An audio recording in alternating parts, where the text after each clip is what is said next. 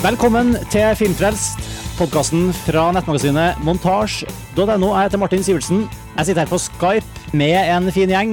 Lars Ole Kristiansen, hallo, Lars Ole. Hallo. Hallo, hallo. Montasjeredaktør monta sorry, montasjeredaktør Karsten Meinik, hallo. Sa du montasjedirektør?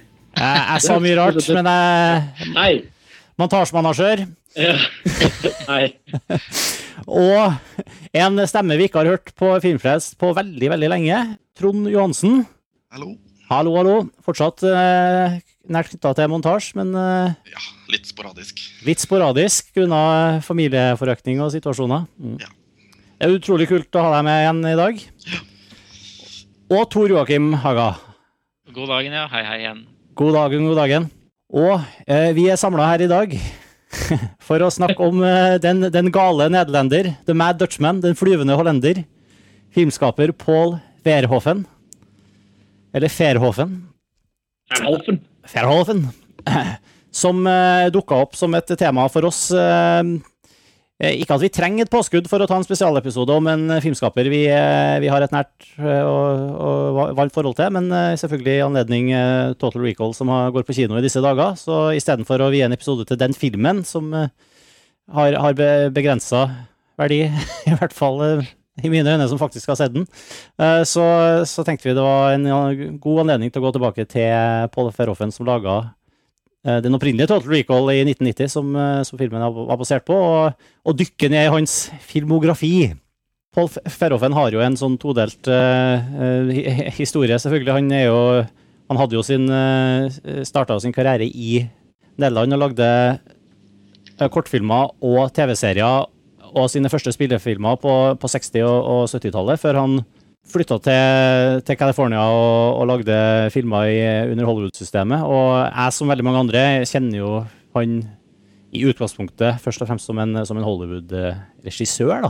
Men vi tenkte vi skulle gå løs på eh, liksom start litt fra starten og eh, se vi, om vi noe Om vi klarer å liksom trekke noen røde tråder i, eh, i, i å finne ut hva som er Verhoevensk med Verhoeven-filmene, og eh, eh, rett og slett begynne tidlig i, eh, i karrieren hennes. Og, og jeg vet at mellom oss så har noe Tor Joakim har faktisk skrytt på deg at du har sett alle filmene til Pål Ferhoven. Kanskje ikke alle kortfilmene og alle dokumentarfilmene. Nei, ikke den, sånn, den TV-serien Floris og sånn. Den har jeg ikke Ja. sett.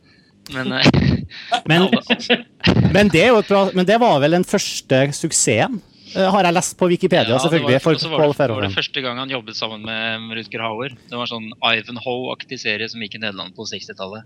Ja. Eh, den har jeg altså ikke klart å få tak i. Men jeg har Eh, sett alle, alle spillefilmene, da. ja. Hva er den første og tidligste spillefilmen du har sett, Tor Det er Vatsatic. What Eller, eller kjent også som, på engelsk som Business is Business. Og det var Ja, den første filmen, spillefilmen hans. er fra 1971. Som bare er en helt sånn sprø komedie om to prostituerte i Amsterdam som prøver å leve et så normalt liv som mulig. Eh, noen helt sånne hysteriske situasjoner, altså noen sånne rollespill som disse kundene ber om å få, få være med på av disse prostituerte. Eh, Kyllingdanser og eh, Nei, det er bare helt, helt sprøtt. Og selvfølgelig alle disse typiske Verhoeven-riffene på alt som har med sex og, og sånt å gjøre, da. Vi er allerede inn på at jeg har sagt Pål Paul Verhoeven, men du er selvfølgelig over på Ferhøfen. Ferhøfen, ja, jeg er mer, Ja, jeg er mm. mer i moduset der. Jeg syns vi alle skal ha hver vår måte. Hver måte å si det på. Verhoeven. Ja. Verhoeven. Så, nei, det er en kjempebra film, og så er det jo morsomt å se på um, Jan de Bont, da, som, er, eh, som jo har vært eh, Verhoevens eh, fotograf i, i mange år. Hans, vet er, altså, de, deres første film sammen er det jo. Jeg vet ikke om Jan de Bont hadde gjort noe særlig før det. Men eh, det er bare så fantastisk å se allerede der hvordan han filmer spesielt solnedganger. da. Altså Han er jo helt rå på solnedganger. Det er nesten, ikke noen annen fotograf som gjør det bedre enn han. Det, Eh, det er jo sånn Ja. tre, trekløver der med eh, Paul Ferhoffen, Jan de Bont og Rutger Hauer som på en måte starta Hadde sine gjennombrudd samtidig med, på, på, de samme filmene og dro til Hollywood og, og gjorde karriere, karriere der. Mm. Men uh, ja, solnedganger og, ja. og uh, Prostituerte og sexleker. Ja. det kan du liksom summere opp den, eh, den med, tror jeg. Det, det, er vanskelig å forklare og gjenfortelle den, for det handler egentlig ikke så mye om fortellingen. Det er bare altså, de iscenesatte situasjonene som er så så morsomme og så typisk forhøfenske, da. Eh, så, ja. Det er morsomt det du sier eh, der, at på en måte allerede i den filmen så ser man den filmskaperen som han etter hvert har blitt. da. Ja. Så kom jo inn på det litt i stad. Jeg tror alle vi representerer også en generasjon som, som, som så veldig mye film på 90-tallet. Og, og, det kan kanskje Lars Ole komme litt inn på at du, du på en måte akkurat ikke helt var det. at for meg i hvert fall, de Hollywood-filmene til Verhoeven på 90-tallet og hans særtrekk var liksom utrolig tydelig bare etter et par filmer. Og så, Jeg har da også nå i forbindelse med episoden fått sett et, en av de gamle filmene da, som er den neste på lista. Og da fikk jeg jo helt sjokk over hvor lik han er seg selv. på en måte. Man tenker jo kanskje at det med å reise til Hollywood ofte blir en sånn utvanningsfase for den typen europeiske regissører som plukkes opp. Men jeg føler jo Verhoeven virker nesten, hvis man ser på de største suksessene hans f.eks. fra 90-tallet, så er han jo så seg selv at det nesten er mer Verhoeven når han lager film i Hollywood, enn de gamle filmene fra 70-tallet. Mm. Det er morsomt at også den aller aller første høres jo helt vill ut, den filmen. Jeg har ikke sett ja. Så er det morsomt også å se sånn som du sier, altså sånne masse små sånn som speil. altså Speil går igjen hele tida, også i Hollywood-filmene hans. Ja. Hvordan han bruker de, det er bare helt uh, vanvittig bra. Det er veldig mye speil. Jeg så Turkish Delight her for første gang bare for eh, ja, snart et par uker siden. Er det vel? Ja, neste på listen, så vi kan kanskje gå dit og, ja. videre. Da er det jo en flittig bruk av speil, som jeg også har sett i dag i Showgirls, og som man ser i Basic Instinct. Han, eh, det er jo Og solnedgangene til Jan de Bonto, som du nevner, er en helt utrolig solnedgangssekvens i Turkish Delight. Mm. Eh, som ganske langt ute i, ute i filmen. Så det er tydelig at ja, tydeligvis helt fra denne første filmen òg, at han liksom sementerer sine autørtrekk. Eh, og, og erot, han har jo et Erotikk og vold er jo det som jeg er fra før av. liksom alltid Og han er glad, glad i eksesser. Du snakker om uh, Verhofen-riffene. Altså han, eh, det er ikke bare sex og vold, men det er liksom i, i, i ganske store mengder. Ja, han har veldig mm. sånn intenst, insisterende filmspråk som Uh, som gjør filmene hans Altså, når jeg, jeg har sett uh, Jeg har jo ikke sett så mange Per Olsen-filmer. Jeg har alltid følt at det har vært et potensielt sterkt bånd mellom oss, men det har liksom aldri helt fått, fått, lov til å oppstå. Men i forbindelse med denne podkasten har jeg i hvert fall fått sett et par filmer uh, som jeg ikke har fått sett før, Blant bl.a. Turkish Delight. Og det som slår meg veldig, er at filmene hans er sånn, sånn vesensmessig fryktelig underholdende. Det er veldig sånn tempo, energi, eh, veldig sånn vitalitet da, i alle filmene hans. Det merker jeg når jeg har sittet og sett på Showgirls i kveld òg, som jeg dessverre ikke har fått sett ferdig. Målet var å se den ferdig før podkasten. En tragedie at jeg ikke For oss eh, som kjenner deg, så er det jo helt utrolig at du da ikke har sett de mesterverkene fra 90-tallet, bl.a. Showgirls. Ja, og du, du røpte jo også for noen måneder siden, Lars Ole, at uh, du som er en sånn erotisk eh, thrillerfantast, også så Basic Instinct for første gang i år. Ja, men det er en tragedie alt sammen. Men, men, men, men desto, desto, lykkeligere møte nå. Ja, desto, lykke, desto lykkeligere møte. Uh, og Showgirl skal vi jo snakke mer om siden, og da må jeg begrense meg i hva jeg skal si, fordi at jeg at de ikke har sett den ferdig. Uh, men det er en helt sånn umotståelig underholdningsverdi, syns jeg, i filmene hans. Og Turkish Delight, som uh, for meg um, egentlig bare en veldig sånn fin, enkel historie om ung kjærlighet og besettelse. Litt sånn Nesten litt sånn roadmovie-aktig i dramaturgien sin. Uh, et slags Minnet meg både veldig mye om uh, Fassbinder i sin litt sånn vulgære, banale tilnærming til, uh, til, tematikken sin.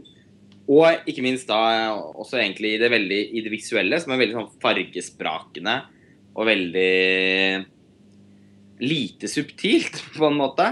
Eh, minnet meg også masse om Vam og Vennerød, faktisk.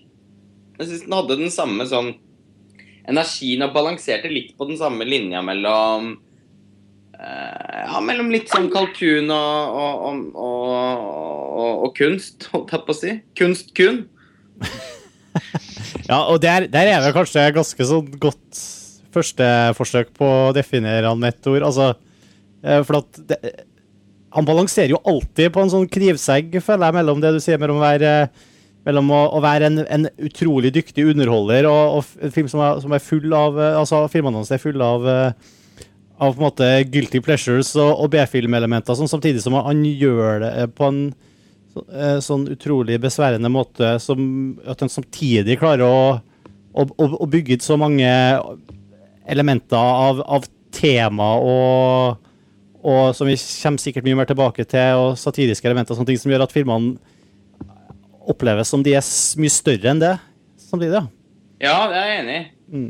Det er jo, Nå snakker vi om 'Turkish Light', som er den andre filmen fra 73. Som er både morsom og veldig alvorlig. Og, morsom og alvorlig på en gang, men så, det er denne kombinasjonen av altså, sex og feses og urin og blod og sånne ting. Altså, det blandes liksom det, det, er, det, er, ikke sex for det sensuelles skyld nødvendigvis. Altså, alt blandes sammen i en sånn derre uh, suppe. da. Uh, det er nesten litt sånn Cronbergs-aktig. Det kommer sikkert også litt inn på, på seinere. Mm. Ja. Nei. Mm. Han er også en filmskaper. Altså, jeg, på en eller annen måte, hvis man slår sammen alle de filmene jeg har sett av Paul Verhoeven, så er det sånn litt sånn blanding av Det er litt Fassbinder, og det er litt Brian De Palma, og det er litt James Cameron, og det er litt David Cronberg. Han er liksom en mm. sånn det er veldig mye, Man får veldig mye på én gang i filmene. Jeg elsket Turkish Delight, må jeg si. Bare sånn Selv om jeg sa at den, som de fleste av de andre filmene hans, er litt sånn helt sånn balanserer på grensen mellom mellom kunst og kalkun. Så, så likte jeg den fryktelig godt. Jeg syns den var rørende og veldig spennende å se på. Jeg synes at eh, Filmspråket hans har sånn driv over seg at jeg syns hver eneste scene byr på noe et eller annet interessant, da, i det minste i det visuelle. Jeg syns ikke det er, det er nesten, det er nesten aldri en innstilling eller en visuell idé som føles slapp. Da. Det er noen sånn helt utrolig gode enkeltøyeblikk i den filmen som jeg følte at hevet den veldig. Var kjempeimponert. Trond, hadde du det sånn etter 90-tallet at du hadde veldig behov for å se sånn 70-talls-Verhoeven? Nei, altså jeg var nok ikke så bevisst på, på Verhoeven en gang på 90-tallet. Nei, nei, det var... Uh, underveis, liksom? Uh... Ja, altså jeg, jeg, ble mm, For sånn tre-fire års tid siden så, så, så, fikk jeg det for meg at jeg skulle begynne å se litt gammel Verhoeven-film. Uh, og da så jeg 'Turkish Light' som den første av de tidlige filmene. Uh, og jeg elsket den ikke sånn som Lars Ole gjorde. Jeg uh, syns den var først og fremst interessant. veldig energisk, morsom, sjokkerende film. men for meg så ble den litt kaotisk. Uh, veldig visuelt prøvende. Noen ganger er det veldig fint, andre ganger så, så faller jeg litt ut. Uh, men det var Jeg er litt sånn Jeg forstår ikke helt den uh, Altså Filmen har jo blitt kåret til Hollands beste gjennom tidene uh, på slutten av 90-tallet. En stor kåring. og har jo fått en sånn voldsom status i ettertid, selv om den kanskje har blitt litt glemt også. jeg er nok ikke så begeistret for den. Uh, jeg ser den mer som en interessant film for å se uh, den videre veien til Verhoeven og, Rutger Hauger. Mm. Ja, for jeg tenkte akkurat det siste du sa, at liksom, den er jo utrolig spennende når man har sett mange av de beste filmene, eller de mest kjente filmene hans som uh, som et liksom sånt, sånt, forvarsel om hva som skulle komme. Jeg syns den var veldig fin i, i seg selv også, men uh, på mm. Turkish Light, i hvert fall da jeg har sett over alle disse 70-tallsfilmene til Verhoeven, for folk som lytter som kanskje ikke har hørt noen av dem, så fremsto den også for meg som den mest liksom, den jeg fikk mest lyst til å se av dem. Mm. Uh, og, og, og, Det var liksom payoff med den der unge energien, uh, selv om den er litt kaotisk. da. Men, uh, ja, for Jeg er veldig enig i det du sier, da, Trom, at den er liksom veldig sånn utprøvende. Mm både i måten det er fortalt på og i det visuelle. og jeg ser, Den er ikke sånn ikke i nærheten av være altså, det, er det er ikke noe perfeksjon uh, ute og går. Uh, men jeg føler at den derre Ja, den ungdommelige energien, da. som ligger i filmen, ble jeg på en måte veldig grepet av. Syns den var veldig spennende. Og bare før vi går videre, så uh, Det er også en film som separert fra Verhoeven. Jeg tenker liksom på europeisk film fra 70-tallet generelt. Uh, Lars Ole og jeg hadde en kort diskusjon om det, at det fins liksom også paralleller til våre egne 70-tallshelter, som Wam med Vennerød, som kanskje lyktes langt dårligere sånn, på internasjonalt nivå. Og det er gøy å se at Verhoeven touch, Verhoeven toucher jo på mye tematikk og en del av røffe formspråket som, som, foregikk mange steder i Europa. Da, og Sammenlignet med fastbinder er også litt interessant. Derfor er det også gøy å se ikke sant, hva han har endt opp å gjøre i Hollywood.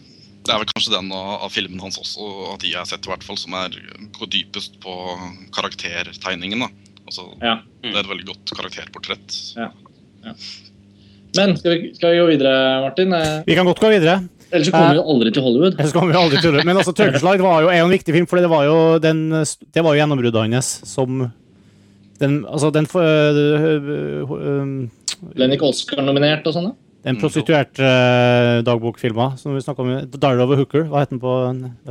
Den, den, var jo ikke, den, var jo, den, gikk jo ikke så veldig bra. Den her uh, Turkish var jo en uh, karrierestarteren på mange måter, så vidt jeg har skjønt. Den må vel ha vært ganske kontroversiell. Mm. Sorry, den første het in Ik. Ja. Jeg ser, på, jeg ser, på, den på engelsk heter 'Diary of a Hooker'. Ja, ok. Yes. Men det må vel ha vært ganske kontroversiell også, vil jeg tro. Det er en veldig eksplisitte sexscener i filmen. Men Var ikke det litt ukontroversielt på 70-tallet? Jo, både og. Altså på grunn av ja, Det er litt sånn myk pornotendenser. I Turkish Delight? Ja, ja eh, syns jeg ikke. Mykporno blir nok like overdrevet. Det syns jeg mer er i Showgirls. ja. ja, OK, det blir den sliding. Jeg, var, jeg, jeg, er ikke sikker på hva, hva, på hva som gikk på mykporno på 70-tallet. Men Joakim, mm. Hvordan, hvordan, er liksom, hvordan er Turkish Delight i forhold til den første, sånn når det kommer til f.eks. Altså sexscener og det eksplisitte, på en måte? Er det Nei, Den er jo mer vovet, selvfølgelig. For det er jo en mer en seriøs eh, film. Vatsatik eh, er jo en, en, komedie. En ja. vill komedie som har noen ville scener, men du, du, får jo ikke den samme snerten når det settes inn i en sånn overdreven situasjon. Da. Men neste spillefilm, Joakim? Er... Ja, det er jo Ketchy Tipple fra 1975. Eller Kate. På nederlandsken, Joakim? tror jeg, Kim. Forsvitt fra hunderverden mitt. Å ah, ja. Mm. er det flere enn deg som har sett den? Den har ikke jeg eh, lest meg særlig opp på engang. Katie Tipple. Katie Tipple, det var, det var faktisk ja, Er det forresten noen andre som har sett den, ja? Nei. Nei. Nei, jeg kan bare fort uh, oppsummere hva det er for noe. Det er en, um, faktisk en film som overrasker meg positivt. Det er en, en periodefilm, da. Eh, som handler om en fattig jente som flytter med familien sin til storbyen på slutten av 1800-tallet og prøver å få endene til å møtes. Eh, på å si Bokstavelig talt. I et sånt moralsk eh, forkvaklet samfunn da, hvor de rike utnytter de fattige på forskjellige måter. Eh, høres selvfølgelig ut som et bra premiss for Verhøfen. Um, og den har det er nok en gang da Monique van de Feen i rollen, hun, hun fra Turkish Delight som også er så søt at du bare har lyst til å spise henne opp, altså. Eh, hun var veldig flott, eh, ja. Ja, hun har den derre barnslige, eh, barnslige uskyldigheten samtidig som hun på en måte er veldig sensuell. da. Og jeg, jeg skal ikke dvele noe særlig ved det, men det er bare én scene i den filmen jeg bare må, må fortelle om som er så typisk for Verhoeven. Og det er altså da når hun Monique eh, har fått seg jobb i en skobutikk. Eh, og eh, en kveld da, så sitter hun og, og lager sånne eh, skyggefigurer på veggen med, med hendene sine. Eh, harer og hunder og fugler og sånt. Og så plutselig kommer det altså inn fra venstre skyggen av en erigert penis. Eh, og det viser seg da å være eh, butikkeieren da, som står bak. Hun snur seg Eh, og Det hele ender jo da med at hun, eh, hun blir uh, voldtatt. Det er jo ikke noe morsomt i seg selv, men, men altså bare selve iscenesettelsen, altså hvordan, hvordan iscenesettes at hun mister bokstavelig talt sin uskyldighet med disse, med disse figurene, da, uskyldige figurene, og plutselig kommer den der svære penisen inn fra, fra venstre i skyggebildet. Altså, det er bare Nei, det er, det er liksom for høfen, rett og slett. Hørtes ut som en klassiker, spør du meg. Ja, Ja, det er veldig mye humor. Det, nå har vi ikke vært inne på det ennå. Det er utrolig mye humor hos Men, men tror du Kim har lest om den, eh, et intervju med Ferhofen at han er veldig lite fornøyd med den filmen selv. Oh, ja. At han ikke føler han klarte å eh, følge opp suksessen med, med Turkish Delight. Eh, Ja. er, det en, er det en mindre Verhoeven-aktig film? Altså? Nei, ja, men den er liksom litt mer tilbake i altså Det er jo også en seriøs film, men, men den har jo ikke den derre eh, eksperimentelle tyngden som Turkish Delight har. Eh, Den har nesten heller litt mer av den første filmen enn enn Turkish, syns jeg. Ja. Men jeg likte den veldig godt. Det er også helt nydelige, nydelige portretter og produksjonsdesign av 1800-talls eh, Nederland. Og, og selvfølgelig Jan de Bont og alt dette her som gjør at det blir en, en god eh, visuell opplevelse også. Mhm. Og eh, med, med eller uten Rutger? Rutger har en eh, liten rolle som en rik, rikmannsfyr, men det er ikke noe, ikke noe stort. For han har jo også hovedrollen i neste film. På lista, som også er en periode, så vidt jeg kan se, som, er, som kanskje også bare du har sett, Tor Joakim, 'Soldier of Orange', eller Ja. 'Soldat van Orange' fra 77. fra 77, ja. Den, har, den er det vel andre som har sett. Uh, jeg har sett den. Du har sett den. Da kan jo du kanskje eh, Vil du si noe først? Nei, Du må gjerne begynne, så skal jeg heller fylle inn en. Du har nok sett den eh, litt i nyere tid, tenker jeg. Den har jeg veldig på listen min, da, bare for å si noe Ja, fra utsiden her. Den er virkelig sånn Den har jeg ment å se, for å si det sånn. Eh, Er det ikke, dette er krigsfilmen, ikke sant? ja, nei, altså, eh, ja, det er en krigsfilm, og det er, det er jo en annen verdenskrig-tematikk. Det Ja, Ja, det, er jo, det er jo, handler jo om, om eh, resistance, altså hva heter det på norsk? Eh, altså Motstandsbevegelsen. Motstandsbevegelsen i, eh, i Nederland, da. Eh, og eh, med Rutger Hauer og Kjeroen Krabbe, er det riktig uttalelse? Ja, det er du som eh, er nå er eksperten på uttalelser her, Tor Ja, nei, eh, Han er også en kjent skuespiller nå da, i, i ja, internasjonale filmer. Um, men eh, jeg syns det er en eh, Nok en gang tilbake til det Lars Ole sa, en veldig sånn godt driv i fortellingen. Det, det er underholdende, og det er spenning og alt dette her eh, hele tiden. Men det er jo ikke Det mangler kanskje litt de der Verhoeven-touchene, da. For det er jo ikke altså Det er en ganske sånn decent film. Det er ikke mye Det er jo noen få brystvorter og sånn, men, men ganske magert til, til han å være. Ehm, så, og han Ferøfen har jo selv sagt at en av grunnene til at han lagde Svart bok, eller altså Black Book, som vi kanskje rekker å komme til uh, Som er det var- den nyeste filmen hans. den, den nyeste fra, ja. filmen han gjorde, det var at han var litt misfornøyd med Soldat van Orange. Da, at han ville lage en uh, motstandsbevegelsesfilm som var eh, litt bedre. Ja, Men, eh, Det her er jo åpenbart en mye mer påkostet produksjon enn det han hadde gjort tidligere. Mm. Og som du sier, også en veldig annerledes film enn det han hadde gjort tidligere.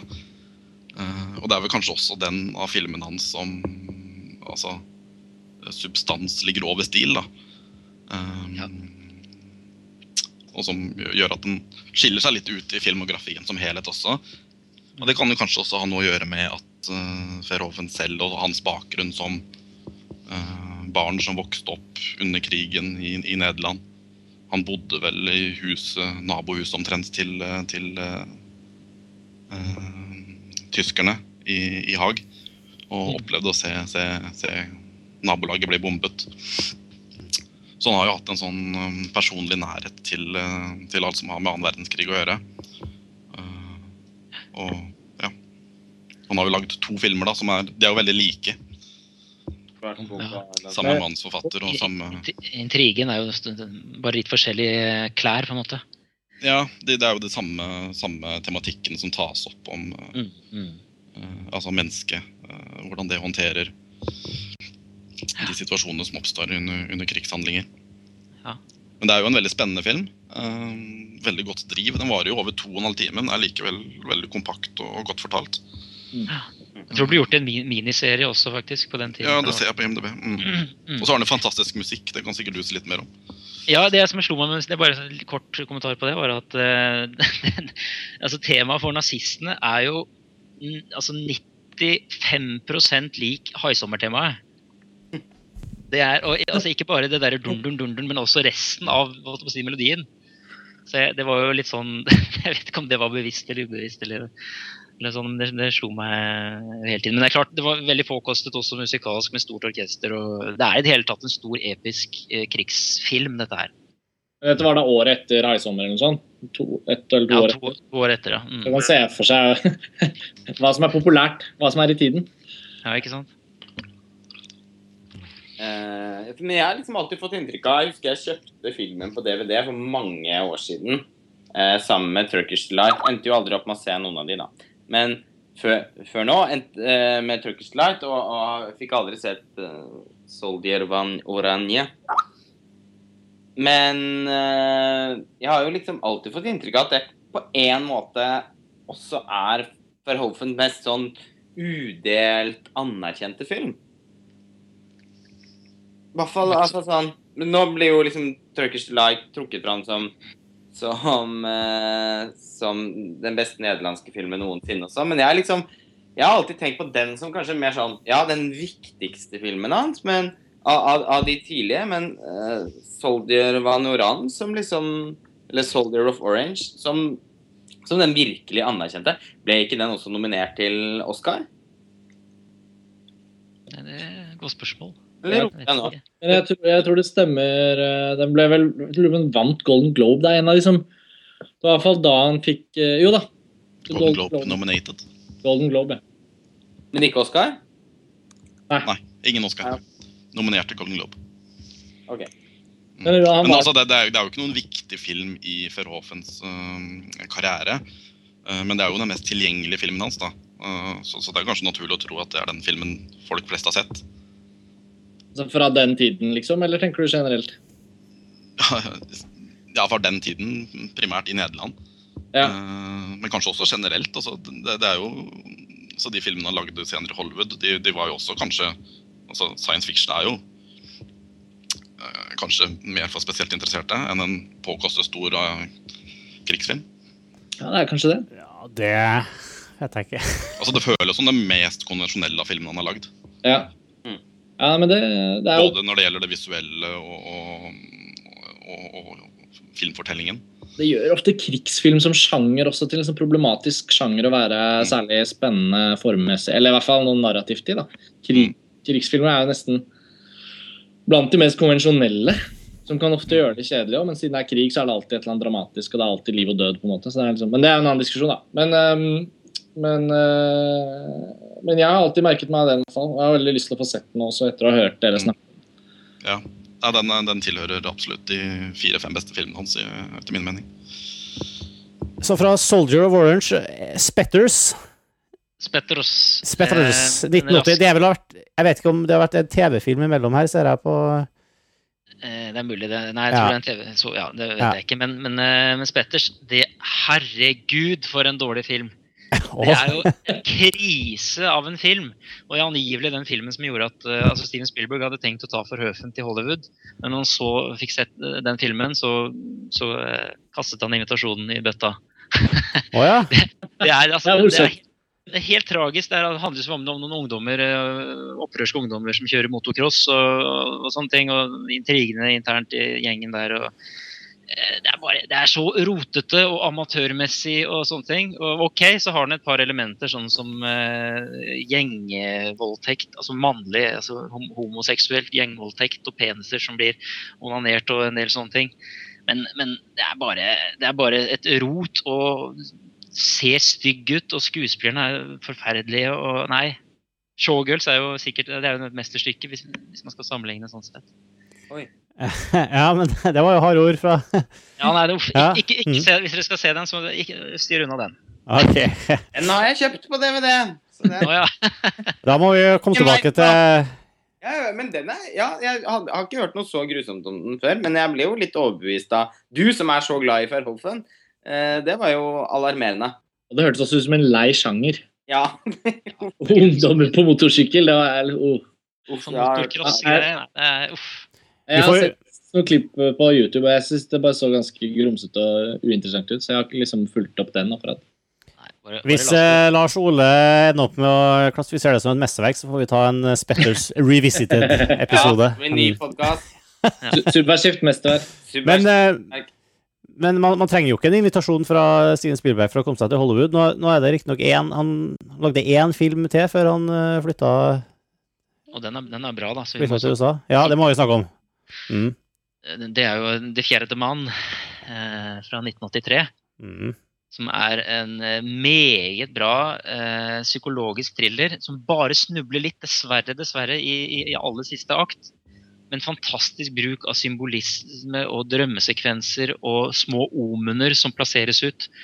Eh, det handler jo nå, det er jo med eh, Jeron Krabbe eh, som eh, eh, Som da eh, altså, Det er Vanskelig å gjenfortelle den filmen også, egentlig. Eh, som på en måte er en slags morder, men så er han det ikke allikevel. Og han prøver å oppklare og det er, det Det, er vanskelig. det er veldig, bare, for å På EMDB her. The morbid Catholic writer Jared Reeve, who is bisexual alcoholic and has frequent visions of death. Ja, ikke sant? He's, he's, he's invited to give a lecture in the literary club of Lissingen. Lissingen. Flisingen. Ja, Ja. Det, er, det er premisset. Eh, og morsomt med at han heter Rev til etternavn også, som jo er det franske ordet for drøm. Nei, nei, ikke Det er jo, det er jo masse sånne fantastiske drømsegenser. Nei, det, det er en veldig flott film, og så, er, og så faller den litt og blir sånn teatralsk og, og helt bare tåpelig i siste akt. Men, eh, men, men, men det er nå så. Stemmer det at dette også er, den, er det også den filmen hvor Jan de Bont eh, er i ekstra toppslag? Mm. Det, Han er i kjempetoppslag, ja. Absolutt. Hvor, hvor har du leste det? Nei, det var Ja, du vet. Du, du, leste, du leste mine tanker. ja. Eh, jeg, jeg, ja, det er den filmen som, som jeg understreket Jan de Bont aller mest av, av alle filmene. Uh, og det er jo en slags forløper nesten til Basic Instinct. Uh, det er jo utvilsomt en erotisk thriller. Og den har jo mye av de samme plott-elementene som, som Basic Instinct også. Uh, samtidig så er det en mye mer absurd, surrealistisk film. Eh, Er det, er er det saks istedenfor icepick? Ja. Ja, jeg ser det Ja. på, på coveret her. Mm. mm. Og den Så har den jo har den også, også speil og tomatsaus og en del andre ting som han eh, elsker å bruke.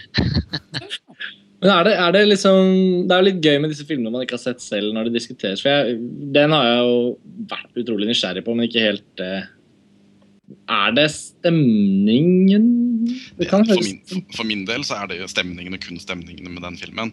Mm. En ekstremt sleazy film. Uh, den Ja. er veldig um, Brian De Palma på sitt uh, tydeligste. Mm. Eh, litt Polanski også, kanskje.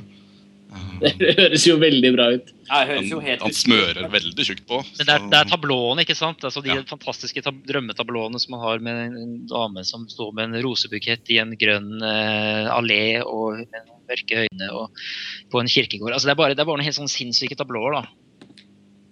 Ja. Den må ses.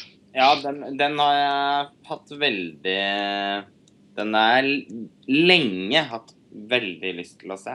Jeg synes Det høres også ut som det er en utrolig subversiv måte å lage en oppfølger til The Third Man på. Altså det, de høres jo veldig forskjellige ut. Eh, the, fir the First Man var, var jo bra. Ok. Um, greit, men da, da er vi liksom eh, ved, ved veis ende, skulle jeg si, i, i, Nederland, inntil han selvfølgelig returnerer på, på tampen. Men det får vi komme tilbake til. Men eh, så tar han med seg Rutger Hauer og Jan de Bont til, til Hollywood og lager Flesh and Blood. Min favorittfilm av han på Forhøfen. Det er det, ja? Mm. ja. ja, den eh, så jo jeg for eh, Jeg har faktisk sett den før, da, som jeg så den for andre gang ganske nylig. Um, og der, her er vi i, eh, Middelalderen. i, i et sånn middelaldersetting, ja, men her også er det altså så uh, hoffensk som det kan bli, egentlig. Uh, i, en sånn, I en sånn setting. um, med ganske sånn morbide plottvister og mye Altså, det Selvfølgelig, det, det mydes og voldtas over en lav sko, og den er erotisk og har eh, og har sånne samfunns... eh, ja, det, da, det danner seg det, Filmen handler om en sånn gjeng med lovløse i middelalderen som, med, med mercenaries, eller leie som, som danner sitt eget lille samfunn og begynner å komme i, i konflikt med, med noen lo, lokal føydalherre. Hva er det som gjør det til favorittfilmen din, tror du, Joakim? Du vet at På begynnelsen av 90-tallet, da, da, jeg så den, så, mm. så, var ikke porno eh, tilgjengelig på, sånn, rett på internett. eh, sånn, sånn, som det er i dag. Jo, men Det var derfor jeg sa det med mykporno og Turkish Delight. For jeg, på, jeg fikk sånn flashback til sånn RTL og sånn som jeg hadde, vi hadde ja. en kanal i Hodd, husker jeg på. Ja. Det, var litt, det, var litt, med det. Og så, så var det det at uh, Jennifer Jason Lees helt fantastiske kropp og utstråling, og så var det noe litt sånne pupp, altså, pupper der. og ok, så er det voldtas hun, og det er kanskje ikke noe man skal bli opphisset av, men for en, for en 13-åring 13-14-åring så, så, var, det, var det stor stas. Eh, men den voldtektsscenen er jo ganske spesiell, da? Ja. Og sannsynligvis ganske kontroversiell, uten at jeg har sjekka opp det. Ja, fordi hun, hun liker altså hun, hun, tar over makten, ikke sant. Det er en sånn, mm. sånn kjønnsskifte der. Ikke et mm. kjønnsskifte, altså, men et ja. Makt, maktskifte. Rolleskifte, ja. Eh, I den voldtektsakten. Men, men, den er bare så Den er så shit altså du, du, kjenner liksom blandingen av søle og blod og sæd og Og byllepest. Byllepest Pest. Pest. Men det, dette høres ja. ut som en film som må ha gitt ut på VHS. Ja Det ble, det ble den jo helt sikkert. Jeg mener, ja, nei, jeg mener sånn i overført betydning. Da. Den høres ut som en slags sånn VHS-oppdagelse fra sent 80- tidlig 90-tall. Mm. Noen som har en Mye mer ambisiøs enn som så, påkostet og, og sånt. Ja, den er det. Oh, ja, ja, ja. ja for, for, for, nå er vi jo nå er vi liksom over i Vi er i Hollywood uh, Verhoffen-stilen her, hvor han lager det som i utgangspunktet like så godt kunne vært I hvert fall på overflaten, før man begynner å gå under uh, liksom Går de nærmere tre sømmene, så kunne vært sånne sleazy VHS-produksjoner. Men de er påkosta og veldig profesjonelt utført, da, og, og har mange Altså, de er uh, A-level B-filmer, på en måte. Ja, ja. Det er, også nesten litt sånn Ridley Scottsk, også, også i fotografi med altså Jan de Bontien selvfølgelig, og røy, røyk og med lys som penetrerer eh, både det ene og det andre.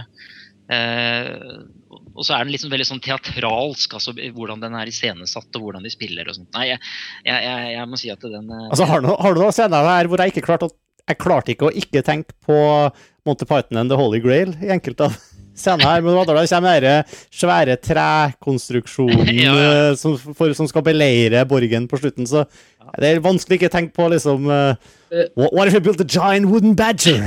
Uh, og, jeg skulle til å spørre, Det må være noe humor i den filmen der også, på en eller annen måte? For han er alltid litt morsom. Ja, ja, han er jo, det, det er jo det. Den er jo morsom òg. Det er høfensk humor hele veien. Ja. Yes. Men Flesh and Blood er absolutt en, en ganske ja, jeg er litt usikker på om det er en anbefaling, men jeg syns det er veldig Ja, det, det er ja. Jeg har veldig lyst til å se den. Det er en sterk en fra, fra Tor Joakim, i hvert fall. En, ja, ja, ja, absolutt. Bare... Det er ikke min favoritt-Verhoffen, men jeg vil også anbefale den filmen. Veldig morsom ut. Kjøpte den i Paris nå for noen dager siden. Prøvde å få sett den. For å få sett den før podkasten. Gikk ikke. Så det var dumt, men, eh, men, den skal absolutt ses. Jeg syns dette høres lovende ut. Jeg syns også det er veldig morsomt at Tor Joakim i opptil flere Paul Holfen-filmer trekker fram dette voldtektsmotivet. Og det er ikke morsomt, altså. Men Og så ler alle. Mm. Ja, det er veldig fint. Har du sett den, Trond? Nei. Nei. Men neste Hans neste film hva har vel alle sett?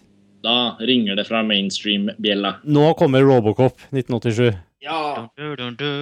Den store Og det her har jo Verhoffen uh, som jeg nylig leste i et intervju her, eh, tungt inspirert av eh, James Cameron og Terminator, og sitt, eh, sine første opplevelser i, i USA.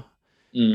Liksom gått inn for å lage sin, sin første science fiction amerikansk Sin første sci-fi USA-satire, action-blockbuster, mega-action-movie-blockbuster.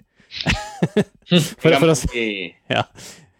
Som er Altså det er vel ikke til å komme unna at det har vært en, en, liksom en av de uh, Og igjen, da, uh, med ekstreme mengder uh, vold og, og, blod. Særlig det er vel mindre sex her, faktisk. En, men, desto, men desto større grad av, av satiriske elementer, som kanskje kjennetegner Robocop. Ja, så har den jo, eh, om jeg ikke husker feil, så har den vel også noen sånne unisex-garderobescener. Det er også Som vi kjenner igjen fra, fra, Fast fra Starship Troopers. Ja. Mm. ja. Ja, men Robocop er en glimrende film. Eh, som, som du sier, så er det jo i stor grad en satire, da. Eh, både en sjangersatire og en, også en sånn samfunnssatire, da, på sånn overvåknings... Eh, eh, og politistatssamfunnet i ytterste konsekvens. Veldig Jeg skulle, Ja. jeg skulle til å si det i stad at det er, hvis det er hans første science fiction, så er det kanskje hans første liksom, betydningsfulle steg inn i satire nå, som jeg syns vi skal komme tilbake til. Mm. For her, her- går det jo veldig sånn tungt inn på, det, på liksom alt fra, eh, på sånn, fra TV og underholdningskultur, forbrukerkultur og det sånn ekstreme sånn eh, bedrifts... Priva, privat bedrifts uh, ultrakapitalistiske amerikanske systemet som bare blir liksom trukket til en sånn fremtidsekstrem dystopi. eh, nesten sånn, sånn litt sånn overdrevet cyberpunk-aktig setting. eh. Ja, det er jo liksom de, de store selskapene i både Terminator og Alien og sånt som Mm. er skumle og lurer i bakgrunnen. Og, og alt selvfølgelig såpass karikert og over det topp at, at det er vanskelig at liksom man, man og, og gjort med, med mye, mye Med masse humor og for dem som, for dem som liker humor i en sånn voldsorgiesetting. Men uh, um, Er, er, det en slags, ja, er, det, er det en slags sånn ikke, Det er jo ikke rape revenge, akkurat, for det er ikke så mye rape eh, faktisk i denne filmen. men, nei. men det er jo en, det det er en hevn, hevn, Det ble gjort noen overgrep, da. Ja. Kan du si. Eh, mot, eh, ikke minst mot Robocop selv. Men det er jo den hevnfilmsjangeren. Jeg elsker jo den. Og syns det faktisk er en, en godt tilskudd til den sjangeren også, når Murphy da begynner å kick some ass, ikke sant? Mot, spesielt da mot, mot slutten. Da får man litt sånn tilfredsstillelse. Men altså, jeg, jeg, jeg og du jeg, og flere av deg som sikkert så de filmene her da de kom på eh, sånn på 80, Jeg så det vel sikkert også først når den her begynte å dukke opp i videoshoppa. Og da husker jeg jo på en måte de plakatene og, og liksom 50% human, 50% eh, robot Nei, 50% machine. 100% purk. Han er, og, og, og, jeg, og sånn var det jo med mange av de her uh, Hollywood-filmene, at jeg så de jo som rene underholdningsfilmer, som Ja. fascinerte meg. Ikke fordi at jeg klart leste gjennom linjene i hele tatt på det, de samfunnskritiske, satiriske elementene som ligger der, men jeg, jeg sugde dem til meg og, og hadde som tenåring kost meg med dem som rene, som du sier, du, eh, du Ja, av, altså som ren underholdning, da. Det er det som er så genialt med Verhoeven, at Mm. du, har liksom, du kan nyte det som skikkelig god underholdning, samtidig som du, du vet at det alltid er noe mer, enten i, enten i budskap eller i det audiovisuelle eller, eller sånt. Det er det er jo morsomt og litt rart å snakke om han også nå, på en måte i et slags sånt autørperspektiv. Mm. For det er liksom sånn, Jeg klarer ikke å ikke smile litt av hele konseptet også, fordi han har nettopp det. Han har liksom bare laget veldig underholdende film. I hvert fall av det jeg har sett, og det jeg har forstått at, om de filmene jeg ikke har sett, tenker jeg liksom at han er først og fremst en toppleverandør. Du tok det opp i stad, Lars Ole. Men det er jo også så mye regissørtrekk som liksom har filtrert seg gjennom alt. Alt eh, hele kommersen. da. Eh, Det er, til, det er til og med speil i Robocop også. Men har du fått sett Robocop? Jeg har sett den ja, på VHS, men jeg har ikke sett den igjen. Ah, sånn. Ja. Så Jeg husker veldig godt eh, det var Veldig mye av de filmene her, og filmer for øvrig, da, sånn tidlig på 90-tallet. Ja. Jeg vokste opp i et hjem uten TV, og sånn, så jeg var veldig opptatt av å få sett filmer når jeg var på besøk hos folk. Så når jeg hadde muligheten sånn overnatting, en venn har noen VHS-er, kan vi bare se alt. Um, og Robocop var en sånn opplevelse. Ja. Så jeg har veldig vagt minne selvfølgelig av filmen, for jeg har virkelig ikke sett den Altså, jeg har ikke sett den på 20 år, sikkert. Men eh, samtidig en veldig minneverdig film. Jeg så den jo i veldig voksen alder, og, som jeg jo da har gjort med alle Verhoeven-filmene. Og eh, jeg ble veldig slått av Jeg syns den var så utrolig godt Jeg syns designet i filmen var så, var så spennende. Eh, på en måte Den er så rent fotografisk det er noe mer underveldende enn en del av de andre Verhoeven-filmene. Fordi, også fordi det er, det er jo ikke Jan de Bont som er fotograf. Og heller ikke han Sjost Vakano, som er den andre faste fotografen hans, men en som heter William Sandel. Uh, som jeg ikke vet noe større om. Er det ikke Sjost Vakano som har Robocop? Nei, jeg tror ikke det. Står Skjønner du? Nei. William Sandel. Ok. Står det. Nei. Uh, Joss Vakano og Sol Negrin står det på IMDb. jaha. Da står det feil eh, der jeg ser. det var samme cinematografen Ja, som han er eh, Joss Vakano, mm. Men han er uansett ikke like eh, bra som John DePont. Så det Eh, Men, men, men jeg, på tross av det, da, så syns jeg jo det er sånn Produksjonsdesignet er helt makeløst. Uh, like bra som i Starship Troopers. Det er veldig sånn det, Alt ser litt sånn, litt sånn Alt er veldig sånn grått, sølvfarget. Litt sånn stort. Alle sånne detaljer er litt sånn forstørret. Så det ser litt fake ut. Litt plast, plastikkaktig. Hele universet, men på en veldig Men det passer jo så utrolig bra med Ja, liksom det den herre corporate uh, consumerism uh, ja, nettopp, ikke sant? Men det, det satiriske poenget til filmen uh, innreflekteres i det visuelle. Da. Og det syns jeg er Ja, nei, det er bemerkelsesverdig. Og den Igjen, som alle de andre filmene, så har den veldig sånn Veldig driv over seg. da. Den er morsom, den er spennende, og den er eh, Ja, altså ja, Gripende er den vel kanskje ikke. Men den, ja, den har likevel det, det, Men som du sa, da, jeg tror ikke det der hevnmotivet Mm. det, det gjør at man også blir eh, litt sånn følelsesmessig Man investerer også litt følelser i, i karakterene og i, og i fortellingen. Jeg syns også Nancy Allen, som er veldig fantastisk, Mm. eh, i hvert fall med et, et, et, noe, noe form for blikk i Brian De Palma sine filmer, gjør også en veldig fin rolle her, syns jeg. Som den kvinnelige eh, heltinnen. Og så er det sånn veldig sånn eh, Det her også går jo litt sånn inn på det her med, med vold eh, satt i Eller eh, sånn eh, rasjonalisert vold, da. Hvor liksom Her er det jo veldig sånn eksplisitt med hvor eh, at, at systemene Og her er det jo data, altså de her datarobotene som rasjonaliserer det ekstreme volds, eh, voldsbruken med sånne veldig sånn Serve the public trust, protect innocent, uphold the law. Sånne veldig sånn eh, noble, rasjonelle argumenter, men, men som resulterer i en sånn ekstrem eh, um, Ja. Robotene sky, skyter lø, løs på alle sammen. Ja, og så Ja, ikke sant? Som, som, eh, som også sikkert er en sånn Ja. Som, som, spiller jo på, he- på hele det, det, det samfunnskritiske igjen, hvor, eh, hvor på en måte For det, det er jo ikke noe tvil om at eh, Og det sier jo Ferroven seg sjøl liksom at han, han, han syns Jeg har i hvert fall lest det i sånn retrospektive intervjuer i forhold til Robocop, at han så at det, det er på mange måter en slags sånn respons på hvor crazy han syntes USA var som, eh, som samfunn. da. Det er jo liksom menneske mot maskin, helt, sånn, helt konflikten som er tilbake til 2001, en romodyssé. Ja, Med Ja. Ikke sant? Ja.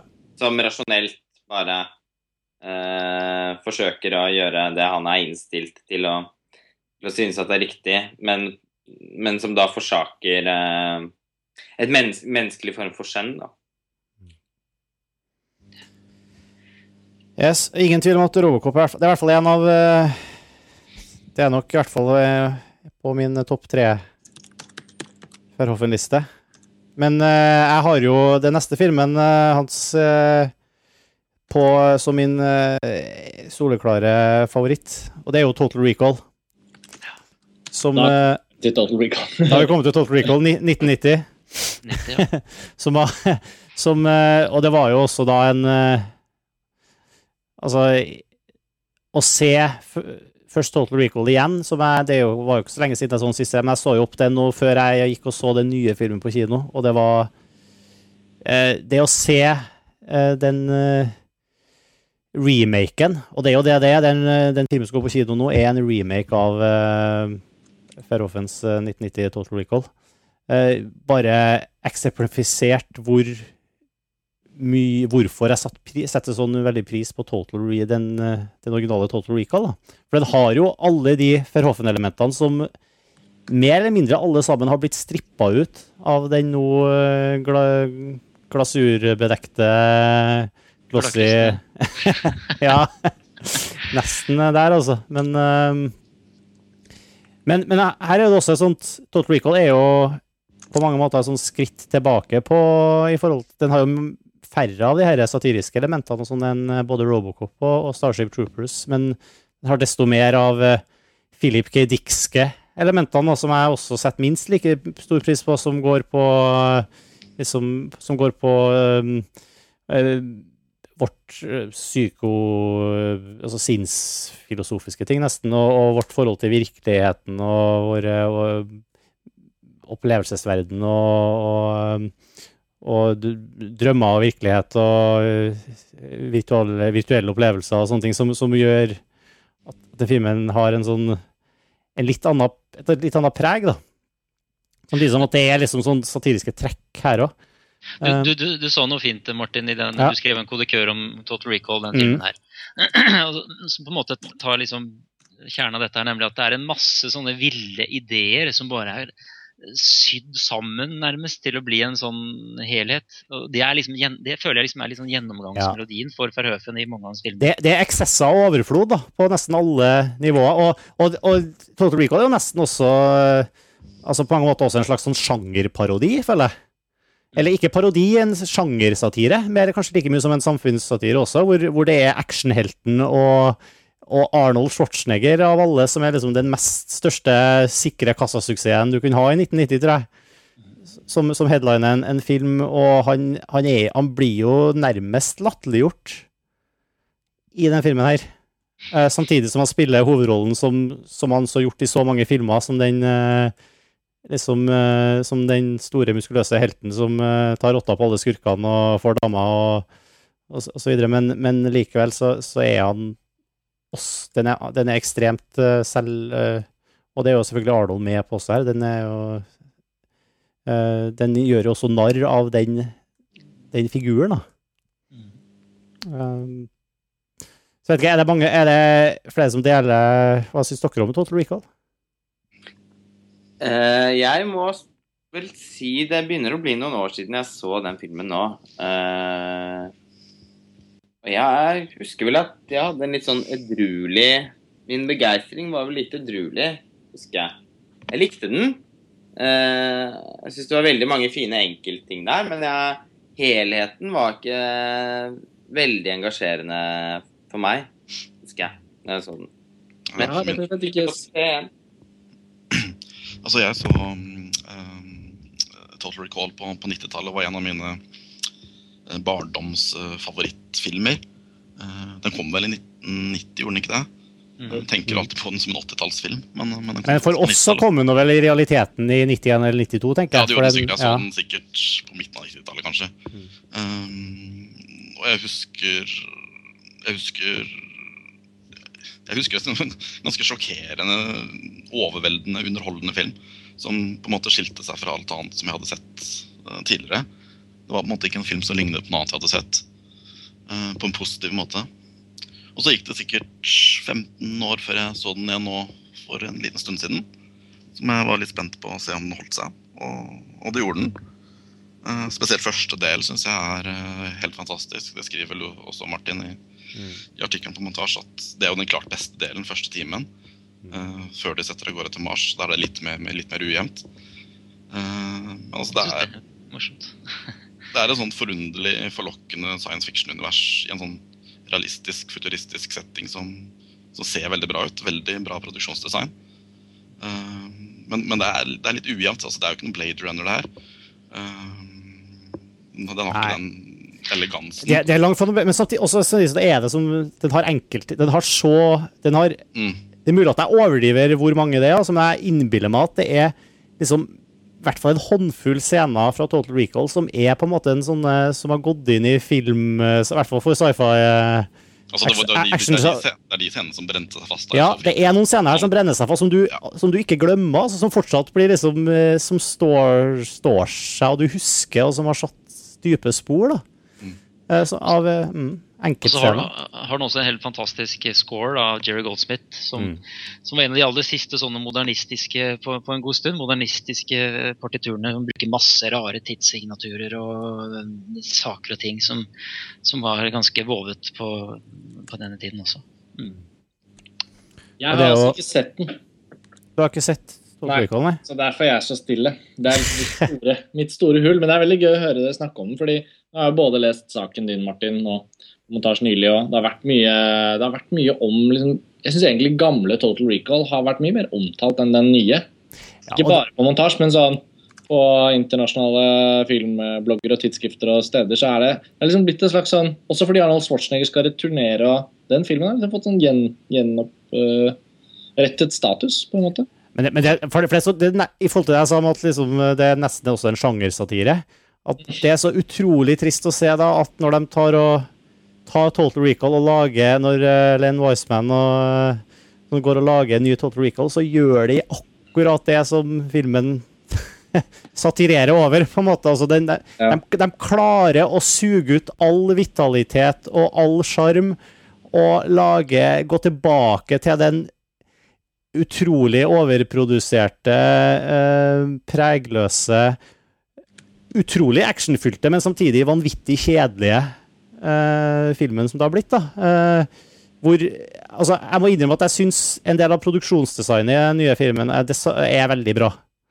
Men utover det så er det veldig lite å glede seg over der, altså. Og du, jeg satt faktisk jeg liksom, Det var til tross for tempoet og eh, spektakulære effekter, sånn, så var det synes jeg dørgende kjedelig.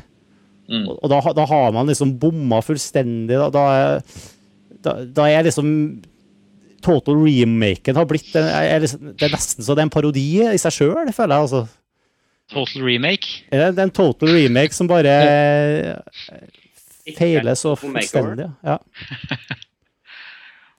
Så, Nei, men jeg, som så mye for Offen de siste ukene og nå mens vi sitter og snakker om det, det er, eh, det er, jeg får oppriktig talt lyst til å se det meste av det jeg da ikke har sett. da. Det Virkelig. så det er i hvert fall min sterkeste anbefaling på lista.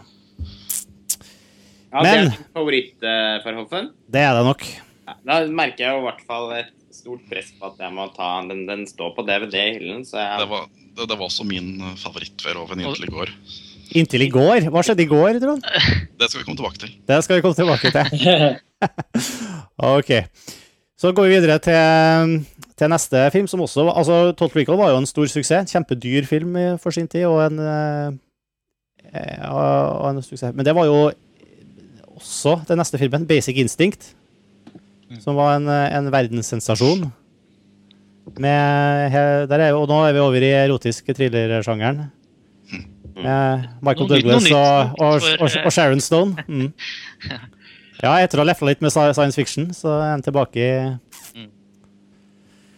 Ja, det her. altså da. da, men det Lars Ole som så han for første gang nå, i år. Ja, altså, det var vel i januar eller noe. Ja. At jeg endelig fikk fomlet meg til å se Basic Instinct. 20 years later. Ja, Mm. Det var en stor kunstopplevelse. Uh, det syns jeg var et mesterverk. Jeg må jo må si det. Bruke dette ordet som folk på Twitter sier at man ikke skal få lov til å bruke. Men, det, Det kan du bruke om den. Den har jo, har jo vært så innflytelsesrik. Ja, på, altså men den er helt, var helt makeløs. Bestridelig mesterverk, vil jeg si. Ja, altså for meg Og jeg som har veldig nær tilknytning til Brian De Palma sine filmer og, og, og hans erotiske thrillere osv., så, videre, så så var jo dette her eh, Det var åpenbart veldig inspirert av Brian De Palma. Eh, men likevel med en helt sånn egen tone. Da. Etter den filmen så har jeg sett flere Verhoeven-filmer og blitt uh, litt mer, mer kjent med, han, med hans autørskap. da. Hvilke autørtrekk som uh, som florerer rundt i alle filmene hans. Men altså Basic Instinct var så fantastisk iscenesatt. Og så masse uh, gjort som liksom Altså bare de filmspråket, fotoet eh, Scenografien i, i Basic Instinct var jo bare helt eh, Helt fantastisk. Ja, altså det, dette er jo Av Sharon Stone. eh, som jeg alltid har likt godt som skuespiller. Nydelig erotikk, som ikke er smakløs, som det gjerne er i et par av de andre Verhoeven-filmene. Veldig sånn elegant gjort. Fryktelig spennende plott. Nydelig fortalt. Men den er jo også liksom en sånn neo-noir. Den er jo vel så mye en film noir som den er en eh, erotisk thriller. Er den litt skotsk, den her òg, noen ganger? I lyssetting og sånn? Det har jeg tenkt på noen ganger. Ja, det, det, det, skjønner jeg veldig godt hva du mener med. Den har jo nesten, nesten noen sånne type lyssettinger her som kan minne litt om den 'Someone to Watch Over Me'. Ja, jeg tenkte også tenkt på den. Mm. Men det er jo det, jeg tenker kanskje en av de, Dette er jo definitivt min favoritt Verhoeven. Uh, det er liksom ingen tvil, det, fordi den er så utrolig den maksimer, jo, men den maksimerer uh, Og det er virkelig en film jeg har sett mange ganger, og sett uh, nylig. den maksimerer liksom elementene sine. Det er en utrolig forhåpentligsk film. Den har kjempetydelige referanser som den klarer å ikle seg og gjøre til sine egne.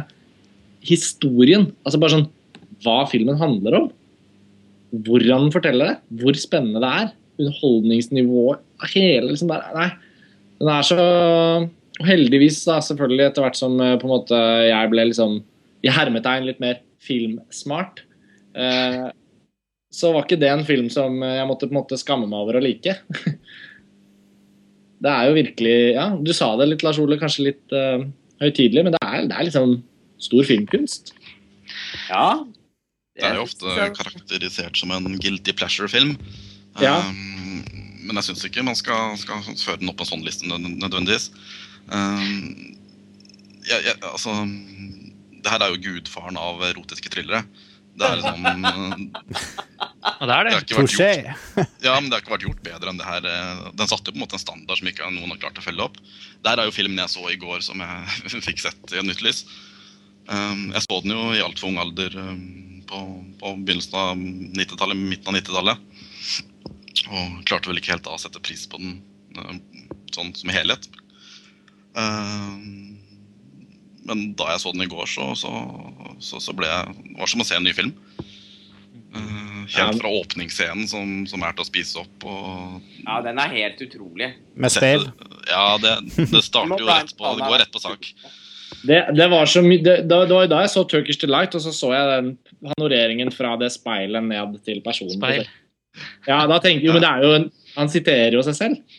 Mm. Veldig kult. Nei, men det er jo en Hva skal man si? Altså, det er jo åh, Men det er mye av det som sitter igjen, er jo for min del også mye stemninger. altså F.eks. Når, de, når han kjører opp til huset til hun Catherine og, og Jerry Goldsmith, sånn sleazy musikk, liksom synt og det, det, er bare liksom det, det, det, er mye sånn atmosfære som sitter igjen, da.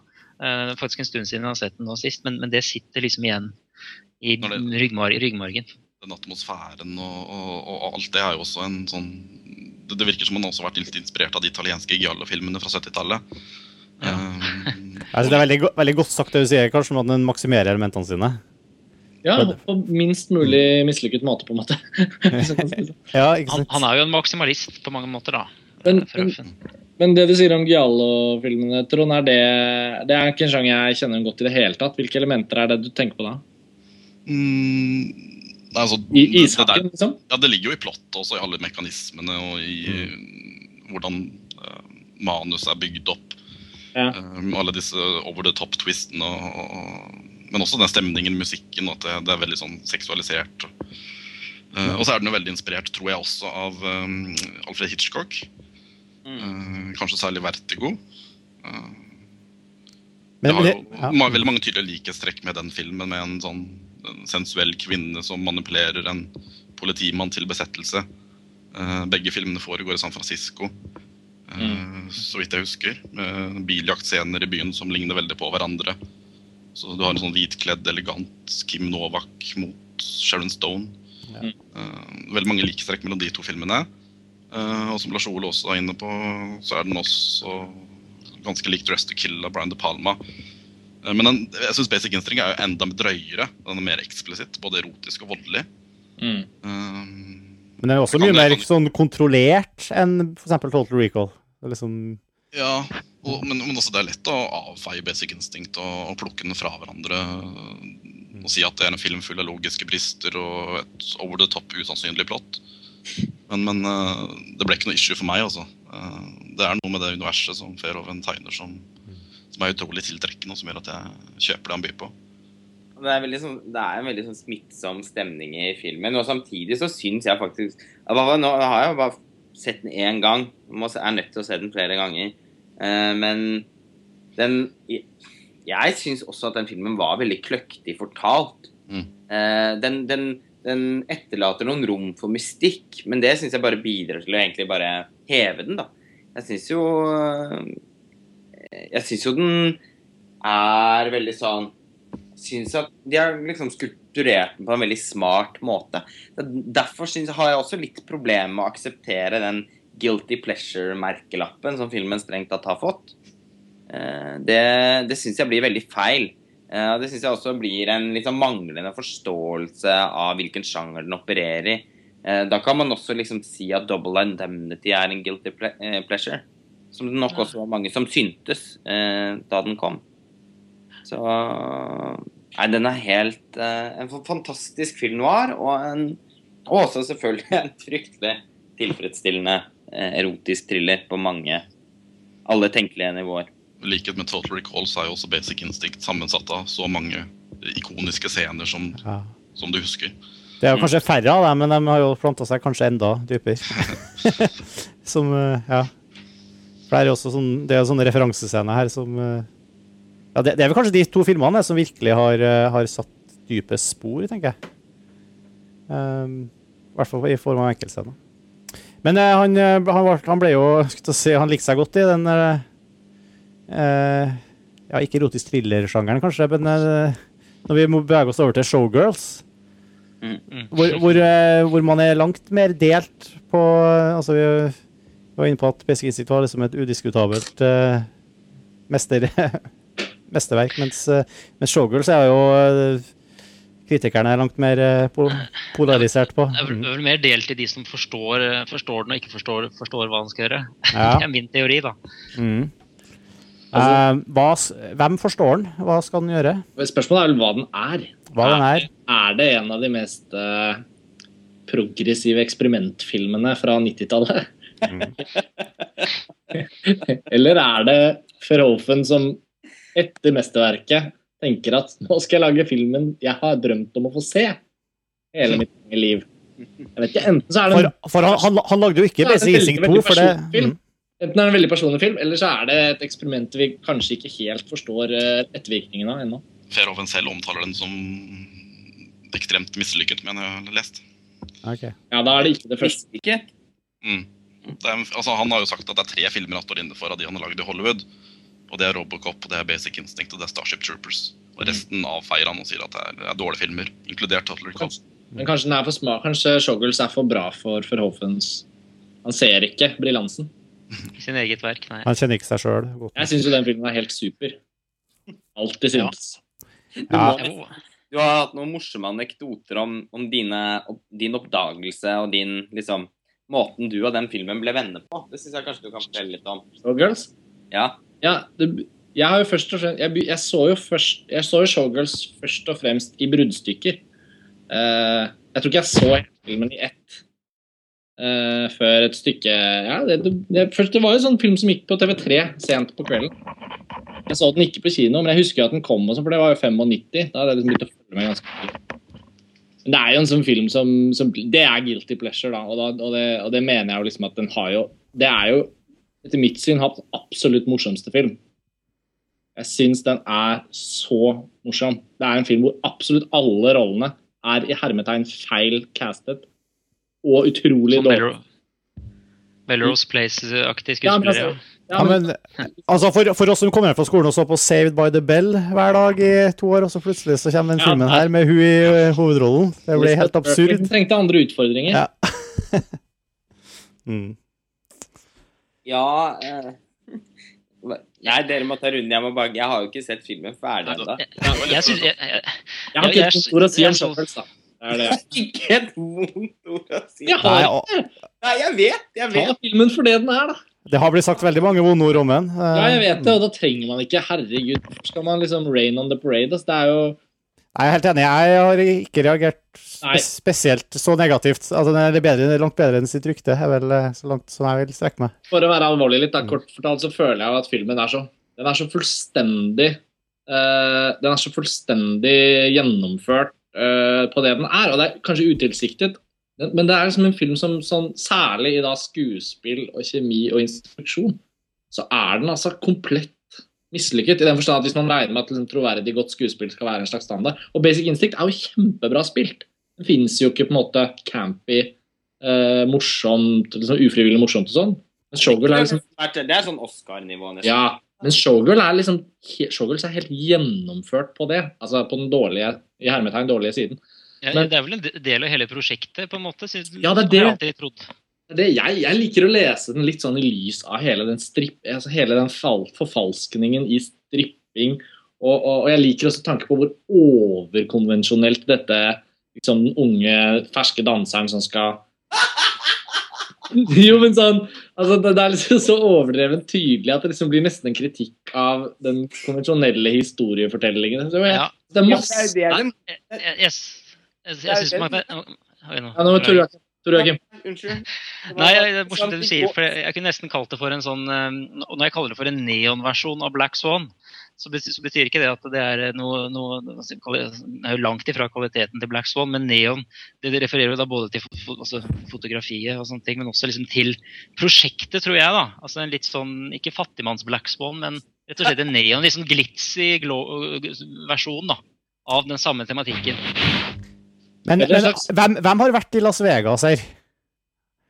Ikke jeg. For jeg har vært i Las Vegas, og jeg syns der treff For at Las Vegas er helt crazy, og på en måte Det, det er en, en atmosfære der, i hvert fall for meg som, besøker, som besøkende, som er, som er sånn eh, fysisk fremmed og eh, Det er en sånn eh, falskhet og over...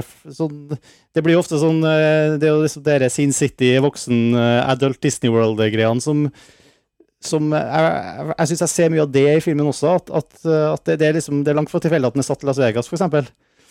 Men, eh, men eh, det er et eller annet med den herre ekstreme eh, Totalt urealistiske eh, settinga som passer så utrolig bra.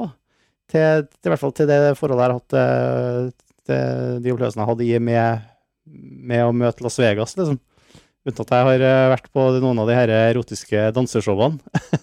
så, så er det en sånn fysisk eh, eh, spesiell følelse der som jeg ikke har hatt noe annet sted i verden. Da. Rett og slett så, hvor, hvor eh, For hele byen er så utrolig eh, fasade og, og, og fade- fadese eh, uten Og Ja. Som jeg, jeg føler er veldig, veldig vanskelig sånn, sånn, å, å trenge gjennom. da. Det høres ut som på en måte filmen da er et ganske gripende portrett av, eh, av Byportrett, da, egentlig. Ja, Jeg, jeg synes det er veldig, veldig fint byportrett også. Det er sånn- den ne neonstemninga med ekstremt detaljrike bilde, altså innstillinger og bilderammer. Masse lys, masse ting og tang og bevegelse og ting som flakser. og det er, eh, det Jeg synes også, jeg sitter også igjen med litt av det, da. Oppi det hele. Er jo øh, Jeg husker også Eller man må vel kanskje trekke fram han Joe Esterhass også. Er manusforfatteren som skrev Basic Instinct og Showgirls. Mm. Som, som på en måte Ja, selvfølgelig ble en- enormt suksessfull pga. Basic Instinct, og så falt like fort knallhardt i bakken og aldri har vært sett siden. Men eh, det var jo noe Jeg mener huske Jeg mener huske en sånn intervjubok jeg, som jeg leste for Det er veldig mange år siden. Men jeg bare husker jeg leste et intervju med Joe Estras i en bok. hvor han snakket om liksom prosjekt sånn rent sånn tematisk. eh, showgirls. Uh, og da, Det skulle jeg likt å lese igjen, egentlig, for han snakket liksom om en veldig sånn alvor rundt filmens uh, liksom, skildring av det miljøet. da. Det er jo blitt helt glemt, selvfølgelig, fordi filmen Ærlig talt da må jeg også si at den får på en måte til det. Eh, det er jo mye mer å hente i Magic Mike sånn sett enn eh, enn Showgirls, hvis man skal se på sånn strippersjangeren. Men uh, en annen morsom ting som da liksom filmbloggingen tok til sånn på midten av 00-tallet, um, så husker jeg veldig godt, og jeg har lett den opp for, anledningen, husker jeg veldig godt det ble arrangert et Showgirls bloggathon, som de kalte det, eller blog-orgy. Hvor det ble foreslått at masse, særlig amerikanske filmbloggere, da, alle skulle skrive en sak om Showgirls. Og så skulle de poste det samtidig på samme dag, sånn at det ble noen vegg av Showgirls-artikler samtidig. Og Da ble det gjort en sånn oppsamling av alle de artiklene. da. Den kan vi jo dele som en link eh, på siden, for det, er, det, er, det, går an å finne ganske interessante perspektiver med utgangspunkt i Showgirls. Uh, noen sammenligner den med Mulholland Drive, andre Oi, oi, oi. ja, ja. Trekker paralleller til Douglas Sirk, 'Imitation of Life'. Altså det, er, det er på en måte Ja. Ja, men, ja, men den er ikke siste, det siste du nevnte, er ikke så vanskelig å se, egentlig. Nei, nei. Og i lys av at jeg bare har sett 84 eh, minutter ganske av, av, filmen, så jeg har litt over en halvtime igjen. Men den Og så er det en kultfilm. Det var jo en ting jeg ville få sagt, at det har på en måte blitt en så hatet film at de som faktisk fortsetter å omfavne og se etter ting i den, har skapt Det har blitt en film som pga. sin natur, dårlig eller ikke, er blitt dyrket litt i etterkant. Mm. Mer kanskje enn Basic Instinct, f.eks. Ja, for jeg har jo inntrykk av at filmen på en måte er så hatet at den også er elsket. At folk alltid har elsket og hatet den. Uh, og, og, så til slutt uh, også bare kanskje bare egentlig endt opp med å elske den. Uh, og det er jo åpenbart en film som har fått en oppreisning, for det er mange altså Jim Jarmers f.eks. lister jo denne her som en av sine ti favorittfilmer gjennom tidene, og mener at det på ingen måte er ment ironisk. Mm. Uh, og det er mange som uh, leser den filmen litt sånn subversivt, da, nettopp som du sa i stad, Karsten, at måten den Sånn som denne Jeg glemmer ikke, senest i går så omtalte du denne filmen som en kjærlighet Det er jo egentlig en kjærlighetshistorie. ja. Det, jo, men tenk, tenk på det et øyeblikk. Altså, det er jeg har tenkt på det under hele filmen. Og det er heller ikke noe moralisering det er på en måte ikke noe Jeg har et sitat her også som jeg fant fram, for det syns jeg var et viktig poeng. som jeg bare vil, bare vil snakke om Shoggles her. Men en av de bloggerne da, han skrev Verhoeven is not condemning Las Vegas or Americans for reveling in bad taste. On the contrary, he's reveling in it himself, drawing parallels between himself as a participant in American show business and the character on screen. And he's not making any excuses for anyone's behavior. Det som foregår i Showgirls, er jo på en måte noe man skal ta moralsk distanse til uh, i hermetegn. Filmen er utrolig liksom, glad i karakterene sine og glad i alt de gjør og finner på hele den strippemiljøet. Liksom. Det er så mye sånn omtanke for universet. Mm. Til og med en rørende slutt. Nå skal ikke avsløre det hvis ikke ja. Lars har den. Men jeg syns den var litt rørende òg, jeg. Ja, men det er jo det. Mm. Og så er, vi, så, så er det jo opplest at dette er en fryktelig dårlig film, og det var en stor liksom alt det der. Men det er liksom sånn samtiden Nå er filmen en del av historien. Nå, kan vi liksom, nå er den fritatt fra hva den ble dømt for da den kom. Nå er Showgirl Den eksisterer. I likhet med Blade Runner. Kanskje ikke helt på Blade Runner-nivå. Men, men, men Karsten, du nevnte noen andre filmer i forbindelse med Showgirls. Jeg leser på Wikipedia mens du, mens du snakker at den har blitt sammenlignet med All About Eve, omtalt som en remake. Kan det stemme? Jeg har ikke sett All About Eve. Jeg, jeg, jeg, har sett den. Det, altså, så langt så kan jeg skjønne hvorfor det stemmer litt. Fordi hun eh, Hun derre stjernen det, er jo dette med å ta over, ta over, den stjernen som allerede er der. Ja, hva er det hun heter igjen? Hun skuespilleren som spiller i Bound og, og FaceOff. Ja, Gina Jerson. Gina mm. Ja. Hun er jo på en måte uh, Betty Davis i All About You. Ja. Så kommer hun andre inn som hun unge, vakre novisen som ender med.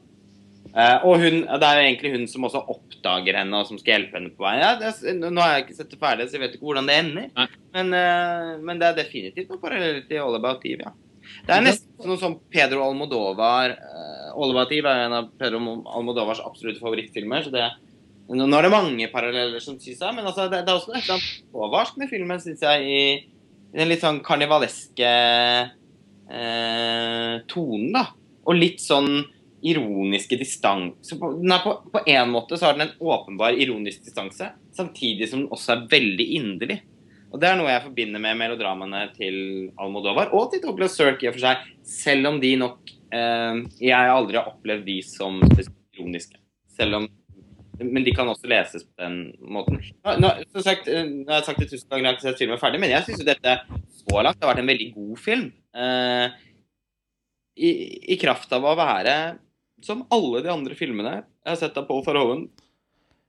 fryktelig underholdende, veldig driv veldig smart løst visuelt. Men mange fine sekvenser. Lange tagninger inni garderobene med kamera. Veldig sånn koreografert eh, kameramessig. Litt sånn De Palma, nesten? Mm. Ja, nesten sånn De Palma-aktig. Eh, som jeg jo kikker helt på.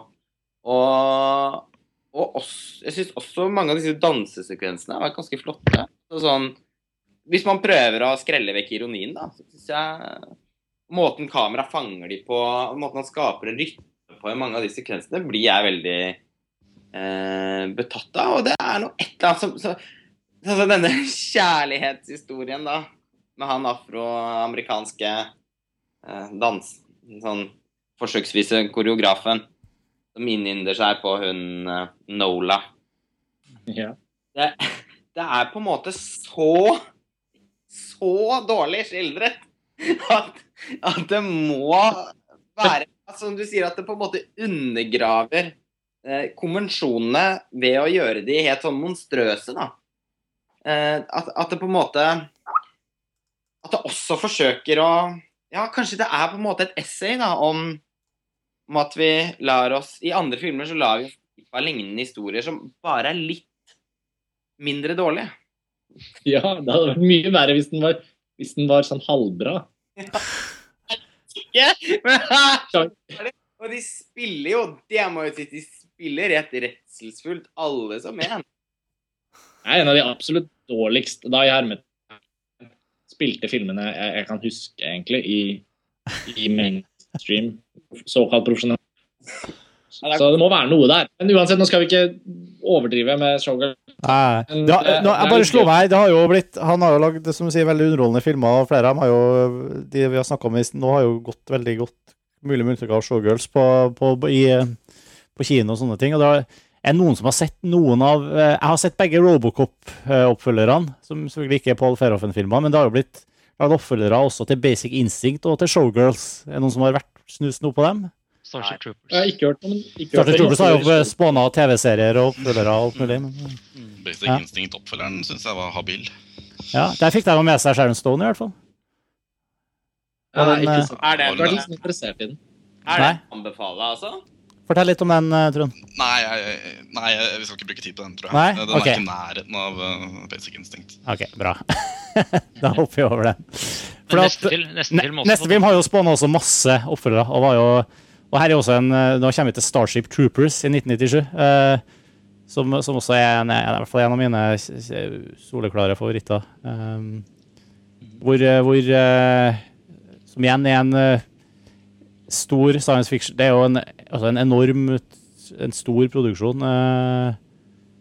Kjempepåkosta sci-fi-satire som er vel Og der er det kanskje Altså det, det, er veldig vanskelig å avfeie denne filmen her som en ren Altså å, å overse det, for å si det sånn. Selv, for det er, jo, det er jo en sånn Man kan jo, i hvert fall i sånn, Vi var inne på det at man gjorde jo det også i, i tenårene da man så Pål Paul Ferhoven-filmer for første gang, så på en måte avføyde man eh, litt eh, en del av de lagene og så det på det som ren underholdning. Og det kan man også gjøre med Starship Troopers, men her er vi inne i en sånn veldig tydelig uh, uh, uh, satire med, med mediesatire, krigssatire, fiendebilde Fascisme.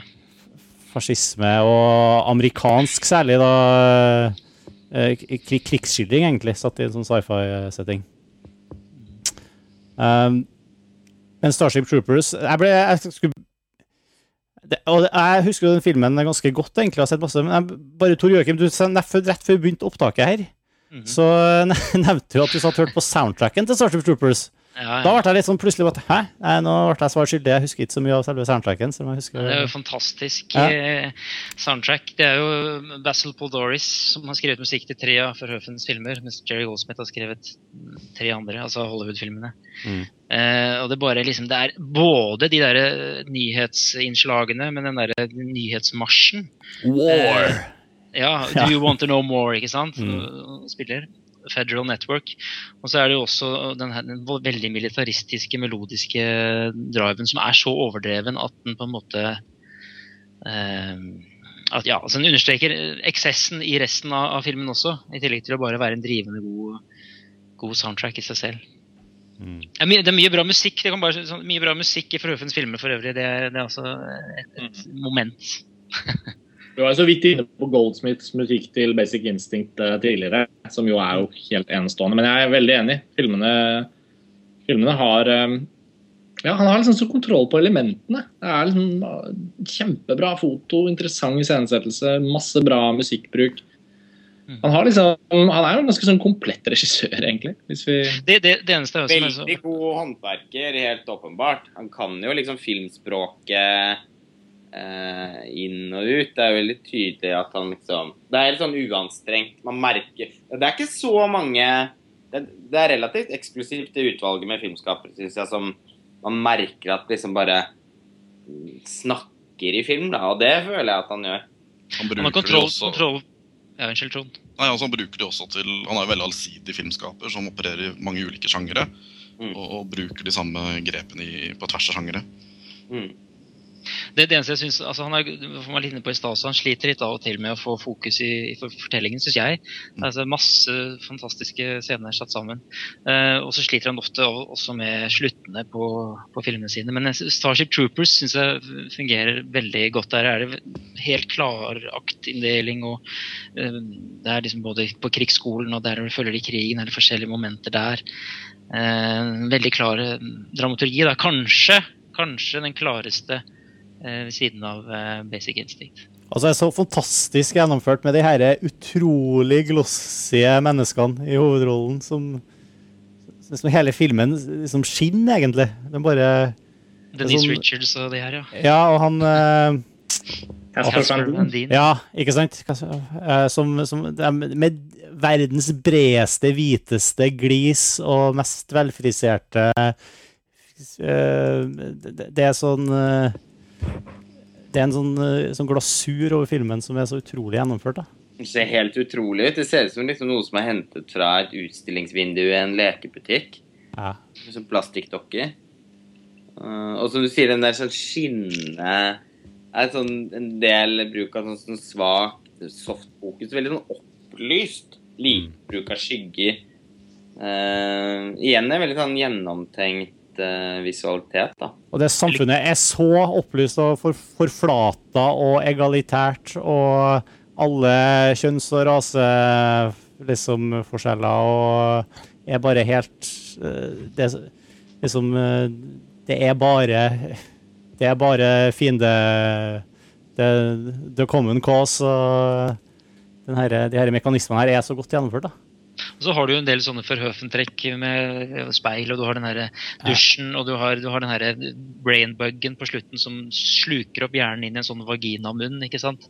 Det er en del sånne typiske trekk. Ja, og, ja, og selvfølgelig alt går blir jo liksom spletterektig og blodig, og selvfølgelig som, som, som det så ofte blir. Eh, De to oppfølgerne for øvrig, de er ikke, de er ikke verdt å sjekke ut. De har jeg sjekka ut og gjort det for dere. mhm. det, det Treeren er litt morsom. Altså, de tar på en måte bare grunnhistorien og fjerner dette, de her eh, lagene. Ja, Eh, nettopp. Bortsett fra treeren prøver seg litt igjen, men, men de er ikke verdt å, å sjekke ut. Nei. Men det er jo eh, Ja. Jeg, jeg, I Starship Troopers så, så jeg første gang eh, for bare en uke siden. Jeg så Hadde tidligere sett deler av den på at eh, hvor jeg var en slags i, kom inn som en gjest på et dataparty på ungdomsskolen. Jeg var aldri spesielt opptatt av data. Følte meg fremmedgjort. Men også da party, Så du stilte opp likevel? Ja. Selv om du skal bare kopiere disketter, så ja.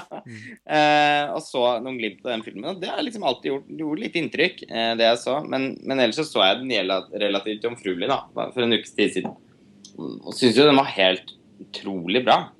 Eh, det var kanskje min Etter Basic Instinct så var nok det umiddelbart min favoritt uh, Verhoeven, da. Synes jo igjen den Jeg synes den satiren, det satiriske universet som han bygger i Robocop, syns jeg faktisk kan nesten gjøre enda bedre i Starship Troopers. Ja, det er jeg enig med deg i. Ja, fordi, fordi det er mer morsomt. Jeg syns eh, det, det er litt skarpere, og, og det er enda, enda morsommere utført i det visuelle. Jeg snakket jo om det litt sånn plastikkaktige universet i, eh, i Robocop i stad. Og, og det ser man jo også i Starship Troopers. Det er mange paralleller egentlig mellom de filmene, også rent visuelt. da. Og så er det også litt annen tematikk for, for satirene. Ja, og det, men dette her er på en måte Jeg føler, jeg føler at flere av Verhoeven-filmene jeg har sett, har liksom uh, Turkish Delight er Verhovens uh, fastbinderfilm. Uh, Basic Instinct er Verhovens De Palma-film. Uh, dette her opplever jeg liksom som et sånn slags sånn himmelsk møte mellom James Cameron og David Cronenberg. Men som da møter også selvfølgelig Verhoffen selv. Eh, som Trond sa i stad, at han evner liksom å eh, plante seg selv inn i veldig forskjellige typer sjangere. Og han, eh, han og han, han, han, altså lar seg inspirere av, åpenbart av andre filmskapere, og samtidig som han tilfører noe helt nytt av hver gang. Og har vel Ja, som, som en sjangerfilm så har jeg vel, syns jeg vel Da etter Basic Instinct at Starship Troopers havner nesten litt sånn i særklasse. Det var helt ja, er utrolig bra. Han minner meg veldig mye om Aliens til James Cameron, på en eller annen måte.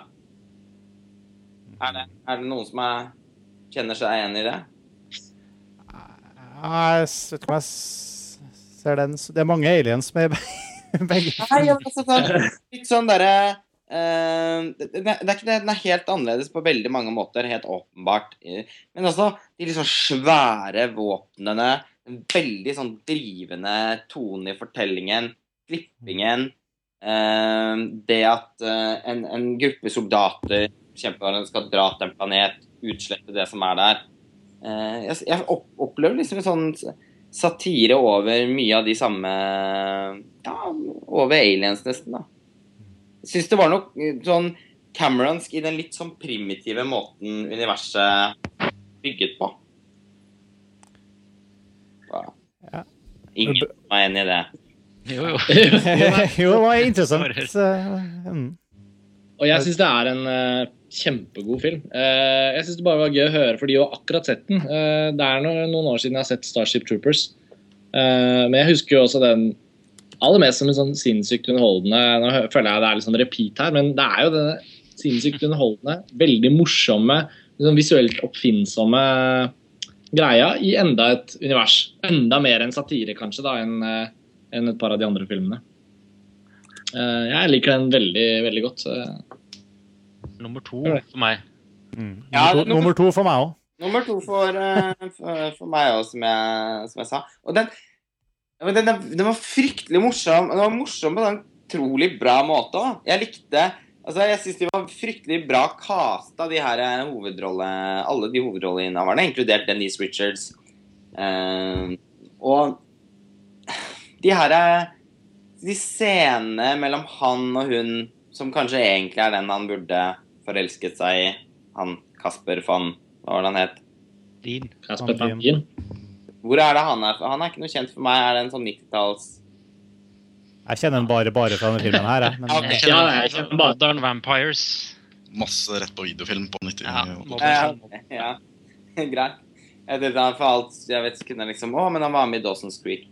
Eh, men han eh, Men han, han er veldig godt castet, syns jeg. Denise Richards og hun derre tredje hun men er, det, det her var jo den store filmen til Denise Richards. Det var da ble stjerne. Skal du si. ja, med jeg den filmen der. Mm. forstå etter å ha sett den. Var det før Wild Things? Ja, jeg vil si Wild Things kanskje var hakket mer Syns du den leverte enda mer? Ja. mer- et mer et gjennombrudd. Hvis, Nei, men altså, det var, ja, ja, men det var vel her jo ble Det er noe med disse sånn, helt sånn randomme unisex garderobescenen, dusjscenen, som liksom bare er helt off, men som, eh, men som er fryktelig morsomme, da. Er det noen som husker hvordan filmen ble tatt imot i, da den kom i Norge? Mener du at den fikk relativt stor slakt?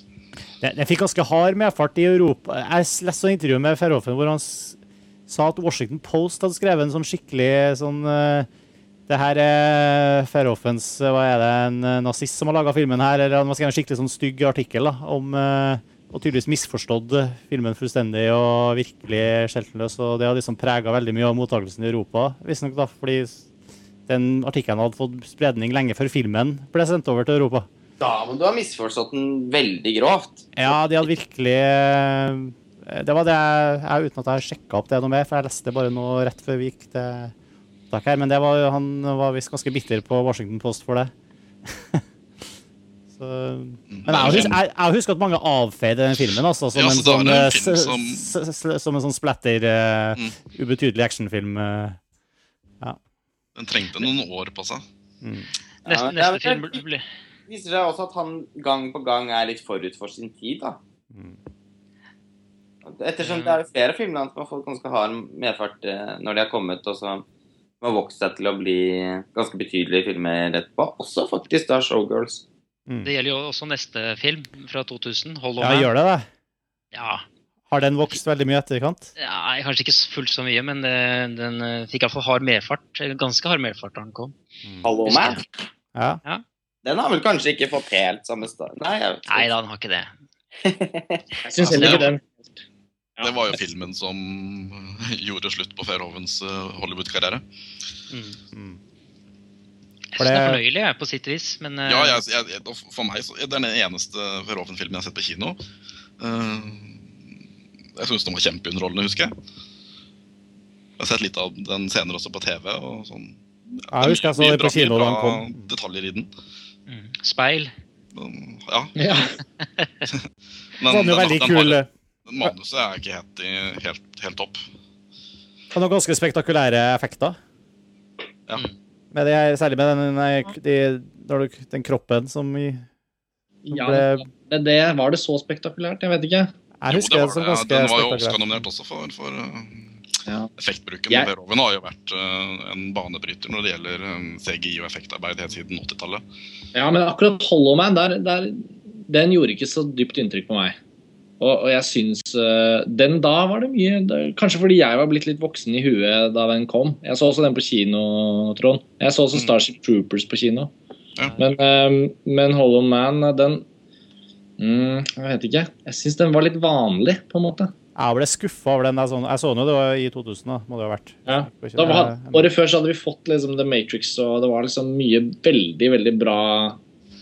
Film i den Ikke, ikke, det var ikke samme type film, det er ikke det, men sånn i forhold til spesialeffekter, i forhold til å liksom bli Mm. imponert Nei, og det- revet med, da.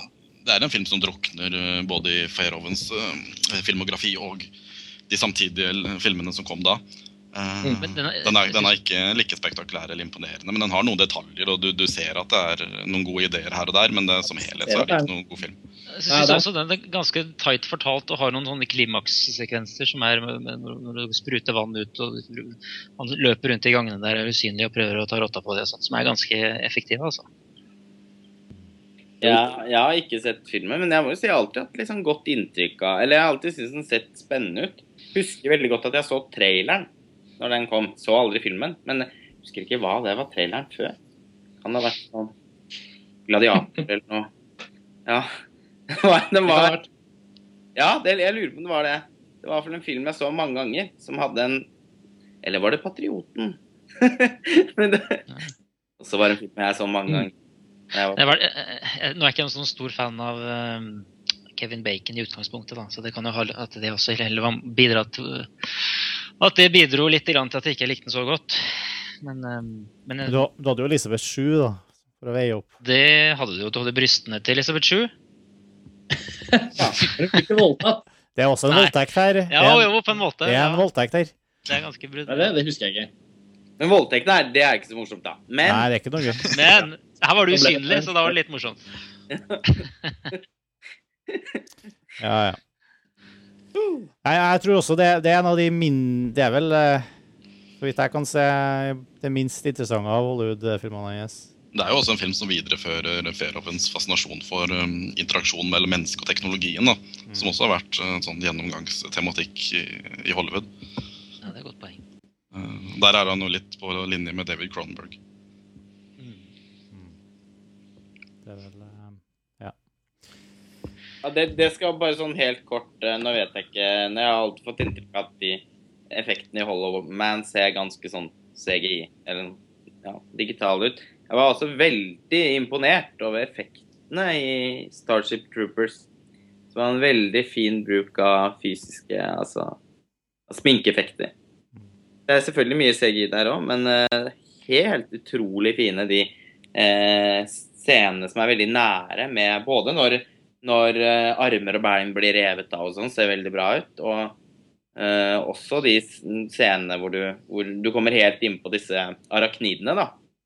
Eh, med, med, med slim og blod og nesten sånn derre kroppsvæskeaktige Ja, det ser jo som, som, som, som du sa i stad, Tor Joakim, den ene ser nesten sånn vaginaaktig ut. Kommer Det ser eh, eh, Det gir også filmen eh, en eller annen sånn Ja, det er sånn, sånn gir den nesten en sånn taktil kvalitet, syns jeg. Som jeg syns det er verdt å nevne. I effektene i Holloman, jeg husker jo at særlig Det, det er jo mye sånn uh, så Nesten sånn uh, Roger Rabbit-aktige ting her. Men jeg husker særlig her scenene i starten av filmen hvor uh, de faktisk gjør den usynlig. Og han eh, liksom eh, Huden forsvinner, og eh, stadig mer av muskelmassen forsvinner, og blodårene og skjelettet, og liksom hele den herre det opp Nesten dekomposisjonen av, av kroppen. da. Eh, Altså, Jeg husker det som ganske spektakulært. Ja. Um, Men OK, skal vi gå videre til Black Book? For da, det var slutten på Hollywood-karrieren, og det tok seks år før hans neste spillefilm, og da dro han tilbake til, til, til, til Nederland igjen, og gikk tilbake til andre verdenskrig. I 2006. Ja, Mhm. ikke sant? Og ja, jeg må jo Her er vi jo også, som vi er inne på, som er Filmen er satt til Nederland også, under eh, Og handler om ei eh, Det er vel ei jødisk-nederlandsk eh, Handler vel om en jødisk-nederlandsk jente som eh, går inn i eh, tyskernes rekker og fungerer som en slags sånn undergrunnsdobbeltagent. Ja. Eh, og, og forelsker vel seg en, halvveis i en offiser der, og, og, og det, det utvikler seg. Eh, og, det, og her jeg vet, ikke, bare sånn, Det som slo meg mest av sånne filmer, er også, som vi har vært inne på før, da, hvor, hvor allsidig Paul Verhoeven er, og hvor forskjellig den filmen er, til tross for at den har noen sånne eksessive elementer her òg, så, så er det sånn, sånn helt eh, eh, fullstendig annen tone og, og type film enn noe jeg har sett før av en. da. Veldig flott film. Det er jo en mye bedre film, syns jeg, enn 'Soldat van Oranje'. Det var jo hele prosjektet hans også. Eh, Men, men altså det, jeg, tenkte ikke, for jeg visste faktisk ikke når jeg gikk og så den, eller leide den, så visste jeg ikke at det var Verhoeven som hadde lagd den. Uh, og det var liksom først da jeg så noe, noe sånn, Bl.a. blant annet en uh, kjønnshår som ble farget, og hun står der foran speilet, igjen da, eh, at jeg begynte å tenke, kan det være noe for Høfen her? Kan det være et eller annet sånt? Og så så jeg da så directed by eh, på slutten, og det var sånn. Da ble så er det jo noe, da. noe, noe feses eh, se- Ja, det er noe feses og Ja. urines og eh, diverse. Mm. Men eh, det, det er egentlig mindre betydning, føler jeg, i denne filmen. her. Ja. Her handler det mer om Og jeg syns faktisk at den har litt av eh, den derre eh, stemningen i uh, Glorious Bastards noen steder, hvor han trekker ut en del sånne spenningssekvenser. Eh, og det her eh, ikke sant, du- undercover, og du, når blir hun oppdaget, og osv. Som, som gjør den til å bli ganske intenst, altså. Den, er, den er ganske lang, husker jeg. jeg Den er eh, så seig, mye som litt seig, kanskje. Den er litt, eh, litt seig. 145 minutter, men jeg syns den fortjener det. Altså, det er så e- episk Ja. og sånn at den, den fortjener det. Mm.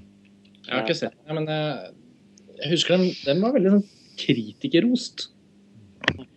Mener jeg husker. Mm, den var det. Mm. Jeg husker den var liksom sånn, det var virkelig sånn Paul Verhoeven er tilbake. og Sikkert mange som egentlig ikke hadde vært veldig opptatt av Per Verhoeven, per Verhoeven tidligere, var veldig sånn Dette er en seriøst bra film. Det var jo en film mange hadde ventet lenge på. Det var jo også første gang han, altså han gikk tilbake til Nederland og samarbeidet også med manusforfatteren Sotemann, eller hva han heter. Som han Mm. jobbet med på alle de nederlandske filmene tidligere. Mm. Eh, og der var jo også en kjempestor produksjon i europeisk sammenheng. Det var den dyreste nederlandske filmen Helt sikkert. noensinne. Og det er jo en veldig pompøs krigsfilm. Eh, Jeg liker det. Men- ja, ikke sant? Det gjør jeg også. Men ja, jeg, jeg, Ekstremt underholdende, syns jeg, da. Eh, Den var- den og, er- og velspilt. den er veldig Det, det er, er veldig lite å utsette på den, men den opp, Jeg liksom opplever den nok litt sånn Nokså konvensjonell da, i forhold til en del av de Hollywood-verkene hans. Den er kanskje mer eh, verhovensk og, og mindre konvensjonell enn eh, 'Soldier of Orange'. Ja, Og, mm, lover jo egentlig litt dårlig for dette. Ja, for det, nei, altså, den, den, har liksom en sånn Nå er ikke sånne krigsdramaer min favorittsubsjanger heller, da. Eh, det bør jo nevnes. Men jeg husker at da, ja, så Jeg så den når den kom, jeg har ikke sett den siden. Men den hadde, jeg syns den hadde noe litt sånn derre seigt og Sånn seigt over seg, husker jeg. Men, eh, men eh, samtidig som den på en måte Den er underholdende, og den Det er jo en Forhoven-film, så han har jo har liksom denne men, men da hadde jeg ikke sett noe særlig andre Verhoeven-filmer heller, så det er klart at jeg hadde jo ikke annet under huden da. Så det kan jo veldig godt hende at jeg vil like den bedre hvis jeg ser den igjen nå. Ja, den har jo ikke, den er jo, den, jeg syns det er en veldig god film, men jeg synes den har jo problemer sånn og Det er nok en gang sl slutten ofte. Her er det jo en million slutter. mm. Eh, og noen av de er eh, kunne ha vært luket ut, kanskje. Jeg vet ikke om du er enig i det, Trond, men eh, jeg synes Jo, det, det, det, Det var det jeg følte fikk på slutten òg. Ja. Mm. ja, det er jeg enig i. Yes. på mange slutter skal vi prøve å unngå for mange slutter, vi òg. Det, var det her er faktisk siste filmen til, til Paul Verhoeven. Det står et par eh, nye prosjekter på IMDb på han. Det, det er fortsatt litt mysterium hva som blir det neste vi får se fra han. Han holder på med noe TV Det er noen sånne reality-greier som heter Entertainment Experience. Ja, og han skal tape film i Indonesia som heter Hidden Force, ser jeg. Men eh, det, jeg tror det er jo Det er fortsatt et, litt sånn spenning knytta til om vi ser noe mer fra han, og hva det eventuelt vil bli. Vi ser jo noe mer fra han, det tror jeg Det gjør ja. er ikke ferdig. Er ikke ferdig. Han er jo like gammel som Ridley Scott. han er 73, er han ikke det? Ja. Men det er jo Bare for å kort nevne det, så har jo, for de som ikke da kobler Jan de Bont da, som regissør fordi vi snakket jo, Jeg vil bare trekke inn han litt igjen. Fotografen som da fikk sin egen regikarriere da etter etter å ha kommet til Hollywood og på 90-tallet, og som har laget Speed og Twister, kanskje da. To Og av Die Hard. ja, absolutt, selvfølgelig. Men jeg mener som regissør, da. Uh, ja, en tilleggsarv fra Verhovens filmografi er jo Jan de Bont. da. Dessverre har også hans karriere stilnet litt, men eh, jeg syns jo Speed og Twister er kanskje to av de beste sånn action-spennings eh, eventyrsspennings-actionsfilmene fra 90-tallet. Så jeg vil bare trekke fram det kort, siden ikke vi nevnte det i stad. At, uh, at ja, Verhoeven har liksom brakt utrolig mye med seg egentlig da, til Hollywood. Og ikke endt opp som en sånn bare Eller filmografien hans, sånn som vi snakket igjennom da, han, han ble liksom ikke stående bare som en uh, europeisk uh, kunstnerisk eh, regissør som tok masse prosjekter, liksom. Og så har han fått tilført mye glød, da. Det er så artig at han får lov til å lage de her store, dyre filmene som egentlig er ganske uh, spesielle i Hollywood-sammenheng, da. Ja, jeg har veldig respekt for det faktum at han har brukt den posisjonen til å lage filmer i Hollywood, i hvert fall til å gjøre noe. Også litt sånn enfant terrible, ikke sant, oppi det hele. Ikke sant? Ja, Han har jo på en måte brukt Hollywood-filmen som en sånn sovepute for å, for å få masse penger på konto. Det er jo Han har jo virkelig forfinet og utforsket uh, ulike retninger i, i det som til sammen har blitt et veldig sånn spennende kunstnerisk prosjekt. Da. Jeg syns det er ganske imponerende å tenke på, på både hvor forskjellige og hvor kompromissløse nesten alle de Hollywood-filmene hans er. Så um, jeg, hå- det, er, det er nesten som man tenker at I hvert fall etter Schwartzbok òg. Altså, for min del i hvert fall, så er det nesten jeg håper at han kommer tilbake til Hollywood igjen. Nå er det allerede seks år gått siden Blackbook, Black Book, så det er jo på tide at han får starte produksjonen igjen. Det var jo seks år mellom Hollow Man og Svartbok også. La oss virkelig håpe at vi ikke har hørt det siste fra han, for det, det synes jeg, jeg føler han må, han må ha mer inne. Jeg håper jo Jeg skrev en sak på montasje sist gang vi skrev en Ja. nyhetssak på Feroven om, Ja. om en erotisk thriller han skulle lage, som jeg håpet han skulle sette i gang med, men det ser ut som det er stillenhet Ja, Så det er, ingenting, det er ingenting som er bekreftet til hva han kommer til å gjøre som neste film. Og han håper jo selv å reise tilbake til USA hvis han får muligheten til å jobbe med noe interessant. Yes, men det, med det så tror jeg vi er kommet til veis ende i vår eh, Ja, det har jo faktisk blitt en, en vår hyllest til Paul Verhoeven. Ja, det er sikkert mange som ikke egentlig ja, anser han som en fyr med en ganske bred filmografi. Da. og Det er jo jeg, jeg har lyst til å fortsette min eh, runde, i hvert fall. Selv om, siden jeg ikke rakk gjennom alle filmene før podkasten. Særlig denne The Fourth Man. Den, den må bli sett. Ja, jeg tror jeg skal grave meg litt, litt lenger bakover her i, i arkivet. Så det har Ja. vært veldig bra. Fjerde mann blir uh... Det blir neste. Ja, det blir nok neste for meg òg. Den har jeg, det hadde jeg virkelig håpet å få sett før den podkasten her, men det Akk og ve. De neste blir Total Recall, kanskje. Ja, det blir vel egentlig det. det, blir det. Ikke den remaken, i hvert fall. OK. Flott. Takk for laget, folkens. Det var kjempeartig. Hyggelig. Eh, tusen takk til dere som har hørt på. Filmfest. Filmfest er tilbake om Nå fikk jeg ekkoer. Hvem er det som gir meg ekko? OK, vi får leve med ekko på slutten. Filmfrelst er tilbake om eh, et par uker. Takk for laget, folkens. Vi høres. Ha det bra. Ha det.